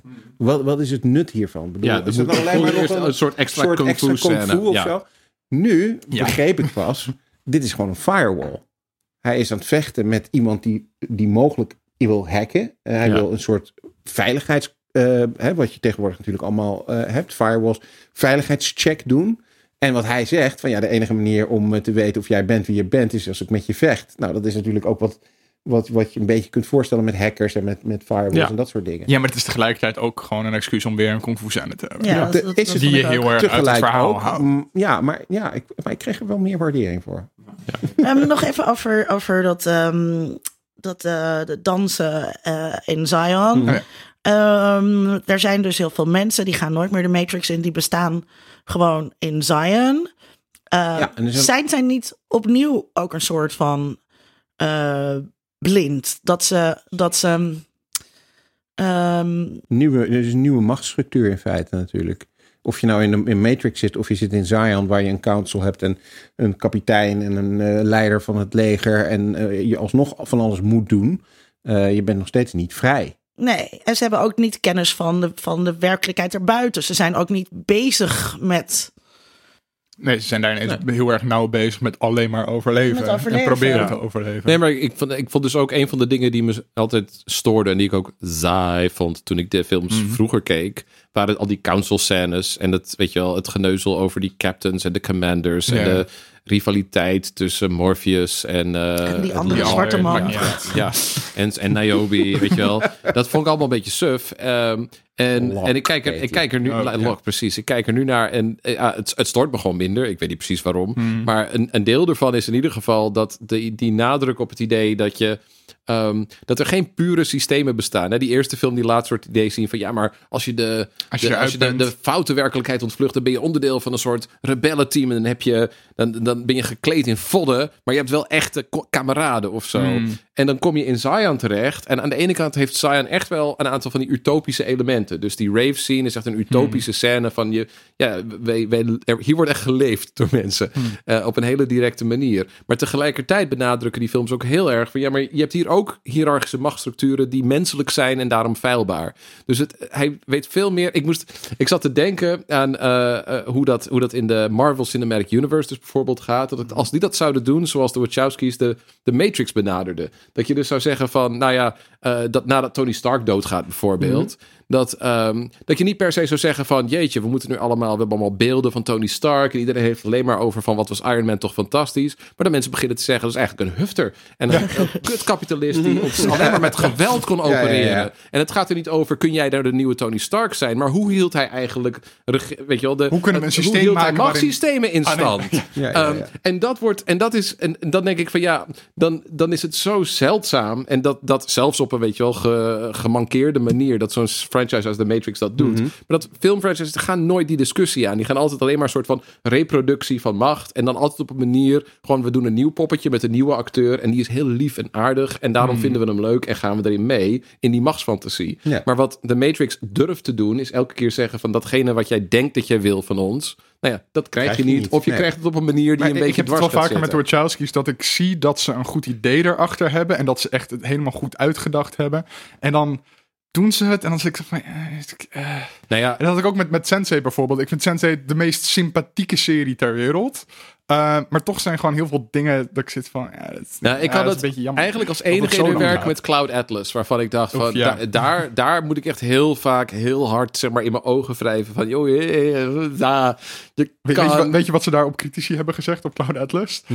Jullie snappen kunst niet. Ja, ja, nee. Ja, Overigens, daar, is, daar, daarover gesproken, dat is wel weer, eh, we hebben hem volgens mij nog niet genoemd, hè, over de, dat de auteur dood is. Eh, Daar de, is hij. de Wachowski's hebben ook eh, geweigerd om tekst en uitleg te geven over wat de films nou betekenen. Ja, nou, Ze hebben altijd gezegd van, dat moet iedereen vooral zelf Ja, dat hebben ze ook gezegd Ja. ook toen, toen mensen die transinterpretaties begonnen te maken. Zeiden ze ook alleen maar van, wat leuk dat daar nieuwe interpretaties van onze films zijn. Ja, net als David Lynch. Dat is gewoon, weet je wel, dat is de enige manier om kunst te maken. En daar ben ik van overtuigd, is te zeggen van, ik maak het, ik weet niet waar het vandaan komt, het gaat de wereld in en het is niet mijn taak om te gaan determineren wat het betekent of wat het is voor Dat is, dat Dat is ook dus trouwens wat ik een van de. dat is ook een van de dingen die ik zal. Waarom, waarom ik dus dat ehm, in de Last SARS, waar ik het aan het begin Mhm. van de uitzending over had, waarom ik het zo aanmatigend vond dat die eh, historici er de hele oh tijd ja. tussendoor zitten. Die, die gaan het dan duiden en uitleggen. Terwijl ik snap zelf ook wel Ja, ja, ja. Wat, er, wat, er, Ja. wat er hier eh, gebeurde. Ja. Ja. Oké, Ja. we Oké. moeten ondertussen wel Ja. een beetje naar een einde toe. Nee, maar we moeten het nog hebben over Revolutions, Revolutions. Revolutions. Ja, Ja, we hebben het al half uur We over Revolutions. Nou ja, Revolutions. Oké. Oh ja, de- oh laatste- de laatste oké, punt. Ik wil over, over, over oké, als Smith vernietigd wordt, Ja. zegt hij, it's not fair. Ja, maar daarvoor zeggen ze nog eerst iets anders. Eh, Neo zegt van. ehm, hij vraagt aan Neo van why, why, why do you persist? En dan zegt Neo, ja, omdat ik daarvoor kies. En dan uiteindelijk, als Neo dan dood, of dan doodgaat, hoe je het ook wil noemen, zegt hij: Je hebt altijd gelijk gehad, Smith. Het was onvermijdelijk Inevitable. inevitable. En dat, die, die, ehm, dat, dat vind ik een heel interessant moment, omdat het volgens mij duidt dat ja, Smith zegt van tevoren namelijk van nou, wat is het doel van, van, van, van het bestaan? Dat het eindigt. Dus met andere woorden, het is zinloos. Het enige doel van geboren worden is om dood te gaan. En Neo legt dan uit van ja, dat is wel zo. Dat is inderdaad onvermijdelijk. Maar wat het zinvol maakt, is dat ik keuzes maak. Ik maak de keuze Maar, maar, om maar, dat, te maar hij maakt dus te juist helemaal geen keuzes. Hij denkt dat Ja. hij keuzes Ja. maakt. En dan komt Nou, hij er dus vraag- achter, nee, het was altijd onvermijdbaar. Dit was altijd al het pad. Ja, maar de, de, de vraag is of dat helemaal op het einde ook nog zo is. Nou, ik moet altijd denken bij, sorry, als we het over, over Revolutions hebben dan, en die, en, nou ja, die zich echt op een, nou ja, hilarische manier reproducerende Agent Smith, waar er dus zo'n hele leger Smith staat, en dan krijg je die hele lange battle tussen eh, hem en, en Neo. Vind ik vind ik dus ook eigenlijk het minst spannende deel van die hele serie. Wat een beetje flauw is, want je bent aan het eind. Maar je hebt dan die hele Battle of Zion gehad. En dan ben je ook wel een beetje opgebruikt. Maar ehm, als je dan de- terugdenkt naar die eerste film. Een van de mooiste scènes daarin is waarin Agent Smith aan Morpheus zegt van... Hè, we- ik, wij dachten in het begin dat jullie zoogdieren waren. Maar jullie zijn geen zoogdieren. Want Ja, ja. zoogdieren vinden altijd een balans met hun omgeving. Maar mensen zijn meer zoals een virus. Hè, jullie gebruiken alle voorzieningen om je heen, gebruiken jullie op. En dan spreiden jullie als een vlek uit over de wereld. Hmm. Maar hij heeft het natuurlijk niet over mensen, maar hij heeft het over kapitalisme. Ja, heel specifiek over industrieel kapitalisme. Zeker. En hoe dat continu bezig is om nieuwe gebieden te veroveren. Mm. En als je dan dat idee neemt en dat doordraait naar die volgende films, waarin Agent Smith zelf dus een virus wordt, Mm. waarbij de Matrix, of de AI-god, wat dit is Mm. in die stad, moet bepalen van nee, wij moeten een soort van, eh, ja. eh, wij moeten een soort van reg- wij moeten regulerend optreden op dit uit zijn krachten gegroeide neoliberale kapitalisme, wat, Mhm. wat, wat voor veel te veel rommel en ellende zorgt. Dus we gaan bepaalde vrijheden gaan we dus toestaan, zolang jullie, hè, zolang Neo in staat is om de ergste excessen van dit, deze vorm van, nou ja, virusachtig Mm. kapitalisme te sto- Dat is al, dat is hoe ik nu die film bekijk. Ja, Ja, ja, ja. Sorry hoor, ik kan er ook niks aan ja, doen. ik denk Maar- dat- Nou ja, iedereen heeft zijn eigen betekenis. Iedereen heeft zijn eigen mening. Het antwoord wat jij zegt, hè, want hij zegt dan dus van it's not fair. En de vraag is dan, wat, wat is er nou niet eerlijk? Nee, meer, eh, nee, mijn vraag was meer, eh, hoe komt hij aan zijn gevoel voor rechtvaardigheid? Ik denk dat dat heel. eh, mijn simplistische uitleg daarvan is eigenlijk dat hij. Hij werkt als een programma toe naar een einddoel. Namelijk het einddoel dat hij wint. En daarmee, volgens mij, tenminste, dat zegt hij in de eerste film. Hij uit de Matrix eh, eh, breekt. Hij dus niet meer in die matrix hoeft te leven van, van, een soort dierenthuis, zoals hij dat eh, Mhm. beschrijft. En dan zegt hij op een gegeven moment, op het moment dat hij dus alles heeft gedaan wat hij moet doen, hè, eigenlijk wat Neo in de eerste film eh, doet, eh, als Neo alles doet wat hij moet doen, dan wint hij niet, maar dan wordt de Matrix reloaded. Dat, Maar, nee, maar, maar daarvoor al, ehm, eh, hij, hij eh, komt los te staan van zijn, van zijn programmering. Dat is ook waarom hij zo'n oortje uitdoet in de eerste denk ik film. Dus hij Dat kan een vrije hij. keuze maken. En- nee, ik, denk, Ja. ik denk wel Of dat hij- het echt zo ja. is. nou, ik denk dat zijn keuzevrijheid net zo groot is als die van Neo. Ik denk. Ja, maar hij is geen onderdeel van het plan Denk van de machine. groter? Want, dat is- in dat is- Neo is, dus wel een onderdeel ervan. Ja, maar dat is de vraag. Want als, als, als Smith namelijk niet zijn taak vervult, namelijk de taak dat hij Neo overneemt en daardoor de, eh, de, de source bereikt, want dat is eigenlijk wat die gebeurt. Als Neo de source bereikt, dan wordt de Matrix reloaded, kan Neo opnieuw beginnen. Dus als Smith de source bereikt, wordt de Matrix reloaded. En dat is precies wat er gebeurt. De Matrix wordt reloaded. Dus het doel van Smith was uiteindelijk om Neo te zijn. Neo en Smith zijn tot op zekere hoogte dezelfde Zijn eh, purpose. persoon. Zijn purpose. Maar niet Alleen hij zijn denkt- eigen. Precies. personal hij denkt doel. dat hij een ander doel heeft. Ja, namelijk wat Neo ook de hele tijd precies heeft. wat Neo ook de hele tijd denkt. Ja. Alleen in feite is zijn doel alleen maar om de Matrix te reloaden. Maar, het, maar, dus de, de, dus, maar dat is er geen antwoord op mijn vraag. Hoe komt hij aan zijn eh, gevoel van rechtvaardigheid? En dat zit ook in de, in de Second Renaissance. Mhm. Ehm, wat, wat, ge- wat verteld wordt vanuit het perspectief van, de, van de machines. Met de vrede eh, mensen die, on, die onrechtvaardig zijn. Dus dan. Dus Maar, kan, maar, die kan je. maar die vragen sturen ons volgens mij op een dwaalspoor als je die te letterlijk neemt. Omdat die, ze gaan er niet om. eh, want wij, wij gaan nu proberen te, te eh, beredeneren hoe het voor een computerprogramma zou zijn om zoiets te doen. Terwijl de vragen waar ze ons mee confronteren zijn: wat zijn eigenlijk, wat, wat zijn waardes? Weet je wel, waar komt jouw gevoel van identiteit en zelfredzaamheid En maar ik vandaan? wil ook en waar wil je weten of ik niet een eh, computerprogramma ben. Nou ja, maar, dat, maar volgens mij kom, eh, zit, zit, Ja. het, zit het antwoord bij, bij jouw eh, favoriete eh, filosoof, Foucault. Dat wordt namelijk in de film ook letterlijk eh, gezegd. Volgens mij is het in Revolutions. Op het moment dat Neo dan in gesprek gaat met de drie programma's die in eh, Limbo in, eh, zijn, hè, die in dat treinstation zijn, dan, dan leggen zij uit dat zij liefde voelen voor hun dochter, ook een Ja. programma. En hij zegt dan, ja, liefde, dat, is- dat is een menselijke emotie. En dat programma zegt dan, nee, het is een woord. Het is een Ja. woord dat iets Ja. beschrijft. Ja. En dat is denk ik het antwoord. Het brengt je, Smith, meteen, brengt je meteen terug naar Blade Runner, waarbij Ja. je dus ook zegt van ja, maar dat zijn, het zijn machines, maar zij voelen dus eh, genegenheid, ze voelen liefde, ze hebben compassie met elkaar. Weet je wel, de, de cruciale scène van Blade Runner is dat wanneer Roy eh, hem, Harrison Ford omhoog eh, redt Ja. van de dood.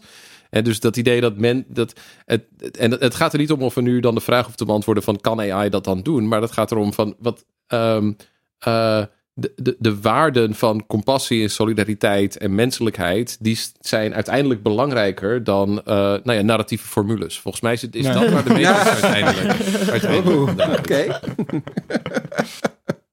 In a world. In a world. World. World. World. In a world. Ja, na dat prachtige einde eh, lijkt het me goed om door te gaan naar de vooruitblik waar we de komende tijd naar uitkijken. Linda, waar Ehm, kijk ik jij kijk naar uit? uit naar. Er wo- worden driftig notities doorgegeven. Driftig notities. Ik kijk uit naar Beverly Hills 90210 ehm, in augustus. eh, komt het uit. Dat, dat moest ik even uit de, uit de aantekeningen halen. Ik keek natuurlijk vroeger. ehm, in begin jaren negentig was het. Ja, begin jaren negentig, toen, ik nog- toen ik nog thuis woonde. Hartstikke Beverly Hills 90210. Ehm, en eh, en het, het was een fantastische jeugdserie die weinig over seks en drugs ging. Maar wel een bad boy, hot Luke Perry, Wel Dylan. Waar iedereen ontzettend verliefd op was. Het ging heel erg over Oh, klassen.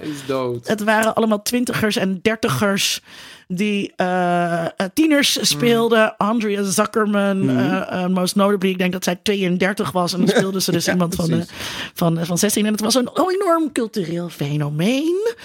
En eh, ze gaan het nu weer maken met dezelfde acteurs. Ja. Eh, dus ik ben heel benieuwd. Ik weet hoe Kelly er eh, tegenwoordig uitziet. Want die heb ik nog wel eens voorbij zien komen in RuPaul's Drag Race. Ehm, eh, en ook, weet andere, die andere ook weer, um, Tori Spelling. Mhm. Eh weet je die ook weer? Ja. Nee. Donna. Donna.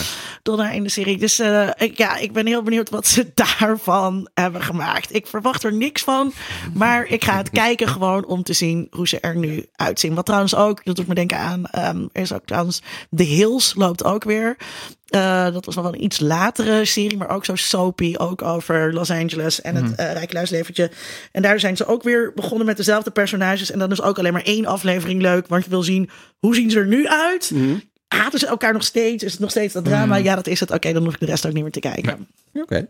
Oké. Dan, waar kijk jij naar? Ehm, ik kijk uit naar eh, Crawl. Die heb ik nog niet gezien. Die draait nu net in de bioscoop. Maar dat is een, eh, nou ja, het is een Jaws even knie. Zoals die in de jaren, nou ja, eind jaren zeventig wel veel gemaakt werden. Films zoals Alligator en Piranha. En deze gaat ook Eh, over alligatoren. En het is dus allig- alligatoren die in een huis wat onder water staat. Alligatoren. dat, is dat echt hoe je dat Alliteratie, alligator. krokodilbeesten, die uit de krachtige Ja. krokodilbeesten, die een vader en dochter volgens mij in een onder water gelopen huis, klimaatcrisis, eh, naar het leven staan. En het is geregisseerd door Alexandre Aja, die eh, eerder dus de remake of de reimagining misschien in 3D, fantastisch, van Piranha heeft eh, gedaan. Eh, wat een waanzinnige film is dat ook. Daar verheug ik me heel erg op. Want dat is precies het soort film waar we te weinig van zien tegenwoordig. Echt eindeloze, gewoon dikke vette pulpfilms. Die met eh, vakkundigheid en eh, emotie gemaakt zijn. En die niet fascistisch zijn. En die eh, het liefst, als het even kan, niet fascistisch zijn. Al, nou ja, misschien schrijf ik er een stukje voor voor de. Washington Post over hoe, Hoe iets niet ook fascistisch dat is. ook weer fascistisch is. En Oh. eh, ik verheug me op ehm, eh, het nieuwe seizoen van Queer Eye. Want gelukkig komt dat nu echt wel met hoge regelmaat op Netflix. het is natuurlijk ook zo gefilmd, zo'n nieuwe seizoen. Maar ik ben heel gek op eh, de Fab Five. Ah, neoliberalisme. Ja, ja, ja, ja, ja. Maar ik laat me daar. Het, echt, ook daar wil ik wel een stukje over schrijven. Hoe dat allemaal neoliberale politiek is. Maar toch, ik zit snikkend achter de buis als Ik die, er- als die daar zijn. Ik ben ook zo verliefd op een paar van die jongens. En eh, het liefst zou ik zien. Er was laatst een thread op Twitter over wie we eh, mensen wilden zien als eh, de Fantastic Four. Nu dat natuurlijk, nu Fox van Disney is, kunnen de Fantastic Four onderdeel worden van de Marvel Cinematic Universe. Iemand zei, het moet, eigenlijk is perfect om de cast van It's Always Sunny in Philadelphia Ja, ja, ja, de Fantastic Four te maken. En dat is ook echt de perfecte keuze. Maar daarna dacht ik van, nou ja, als we nou eh, van Tan de Silver Surfer maken en van de rest de Fantastic Four, dan heb je aan de Fab Five eigenlijk ook een ideaal Oh, ja. kwartet. Nice. Eh, en dan zou dat een hele mooie toevoeging zijn aan de Marvel Cinematic Universe. dus eh, vanuit die bril ga ik nu naar het nieuwe seizoen van Queer Eye kijken, zodra dat volgens mij volgende week op Netflix eh, uitkomt. Oké. Eh, nou, ik kijk uit naar eh, twee films die eh, binnenkort in de bioscoop komen. The Dead Don't Die, dat is eh, de nieuwe Jim Jarmusch. Eh 25 juli in de bioscoop. Is een zombie-comedy eh, met Bill Murray, Chloe Sevigny, eh, Danny Glover, Steve Buscemi, Adam Driver. Honderden Grootste bekende... hipstercast die je Ja, kon honderden bekende acteurs. Adam Driver en Steve Buscemi samen. Ja, Holy precies. mothers. Eh, het, is, het ziet er eh, in de trailer alleen al eh, hilarisch uit. Het is gewoon super. eh, Het is een anti-comedy, kan ik je vertellen. Het is Het is, oké. eh, het is de hele film lang alleen maar een soort van zuchten. Ik heb ja, hem dat gezien. is toch geweldig? Nee, maar het is niet wat je wilde. Hij, het grappige is, de film is niet de film die je wil Denk- dat hij is. ja. En dan denk je erover na, denk je, ja, dit is wel de film die we op dit moment verdienen als het gaat over, over Nou. zombies. Het idee dat er zombies zijn, wordt zo voor lief genomen. Ja, jongens, oké, de wereld Ja, is echt dat, verkut. dat zit al in, de, in de trailer ook. Ja, dat ze zeggen van wat denk je dat het is? Nou ja, eh, zombies. Ja, ja, Dus eh, ja, ik. Heb daar wel, ik heb daar wel zin in. En eh, de andere is ook een horror, Scary Stories. Hij heette eerst Scary Stories to Tell in the Dark, maar de naam is gewijzigd. Om mij volstrekt onduidelijke reden. Maar we kregen een mailtje van de filmmaatschappij naar Scary Stories. Eh, geproduceerd door Guillermo del Toro. Ja. En gebaseerd Die op hele een, griezelige trailer bij de Super Bowl. ja, een hele griezelige tra- trailer. Gebaseerd op een serie boeken. eh, ja, gewoon met horrorverhalen voor, voor tweens, denk ik. eh. Ja. Het is een iets ouder publiek, zeg maar, dan Goosebumps. En de film lijkt wel qua structuur erg op Goosebumps. Goosebumps ging er ook over dat die verhalen tot leven eh, kwamen. Nou, dat is hier ook. Ze gaan die verhalen leven, lezen. En op het moment dat je ze leest, komen ze waar, eh, uit. eh, worden ze werkelijkheid. Maar dan op een nogal eh, wat iets volwassener niveau dan Goosebumps. Dus veel gorier dan Goosebumps. Dus daar heb ik ook wel zin in. En die komt op eh, 8 augustus in de bioscoop. Om bij Guillermo del Toro te blijven. ehm, er komt een film uit die heel erg op werk van hem lijkt. Eind dit jaar in december. Pinocchio van Matteo Garon. Ehm, komt eind dit jaar uit in Italië. Mhm. Onduidelijk of in Nederland of ergens anders in de wereld.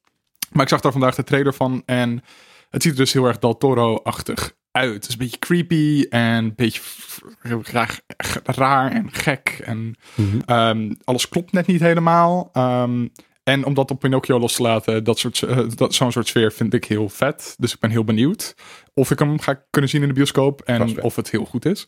Eh, een andere is Another Life. Eh, dat komt over twee weken ongeveer op Netflix met Katie Sackhoff in de hoofdrolspeler. Die kennen we van BSG. Ik ben alleen, uh, Battlestar Galactica, ik ben Mhm. alleen haar karakternaam vergeten. Sydney. Starbucks. Starbucks. Starbucks. Starbucks, ja. Precies, die. Eh, en dat zag er heel vet uit. Beetje harde sci-fi. Eh, er gaat iets fout op een ruimteschip. Het ziet er vet uit. Ironisch dat bij, ze bij Starbucks je naam nooit goed op het bekertje krijgen en jij nu de naam van de Starbucks. Eh, dit was alweer het einde van de 36e aflevering van Geeky Dingen. Like ons op Facebook of volg ons op Twitter. Laat ook vooral een recensie achter op Facebook ook of op iTunes. Dan kunnen andere geeks ons veel beter vinden. Volgende keer gaan we het hebben over high school films. Ja. Maar dat gaat nog wel even duren, want we gaan op zomerstop. Dus we zijn eind augustus Oh. weer bij jullie terug. Tot Waarom dan. gaan mensen op zomerstop met podcasts? Omdat ze hun luisteraars haten. Ja, Sorry. discussieer Die kun je in je erover zak op steken, luisteraar. Dit was Kiki Dingen.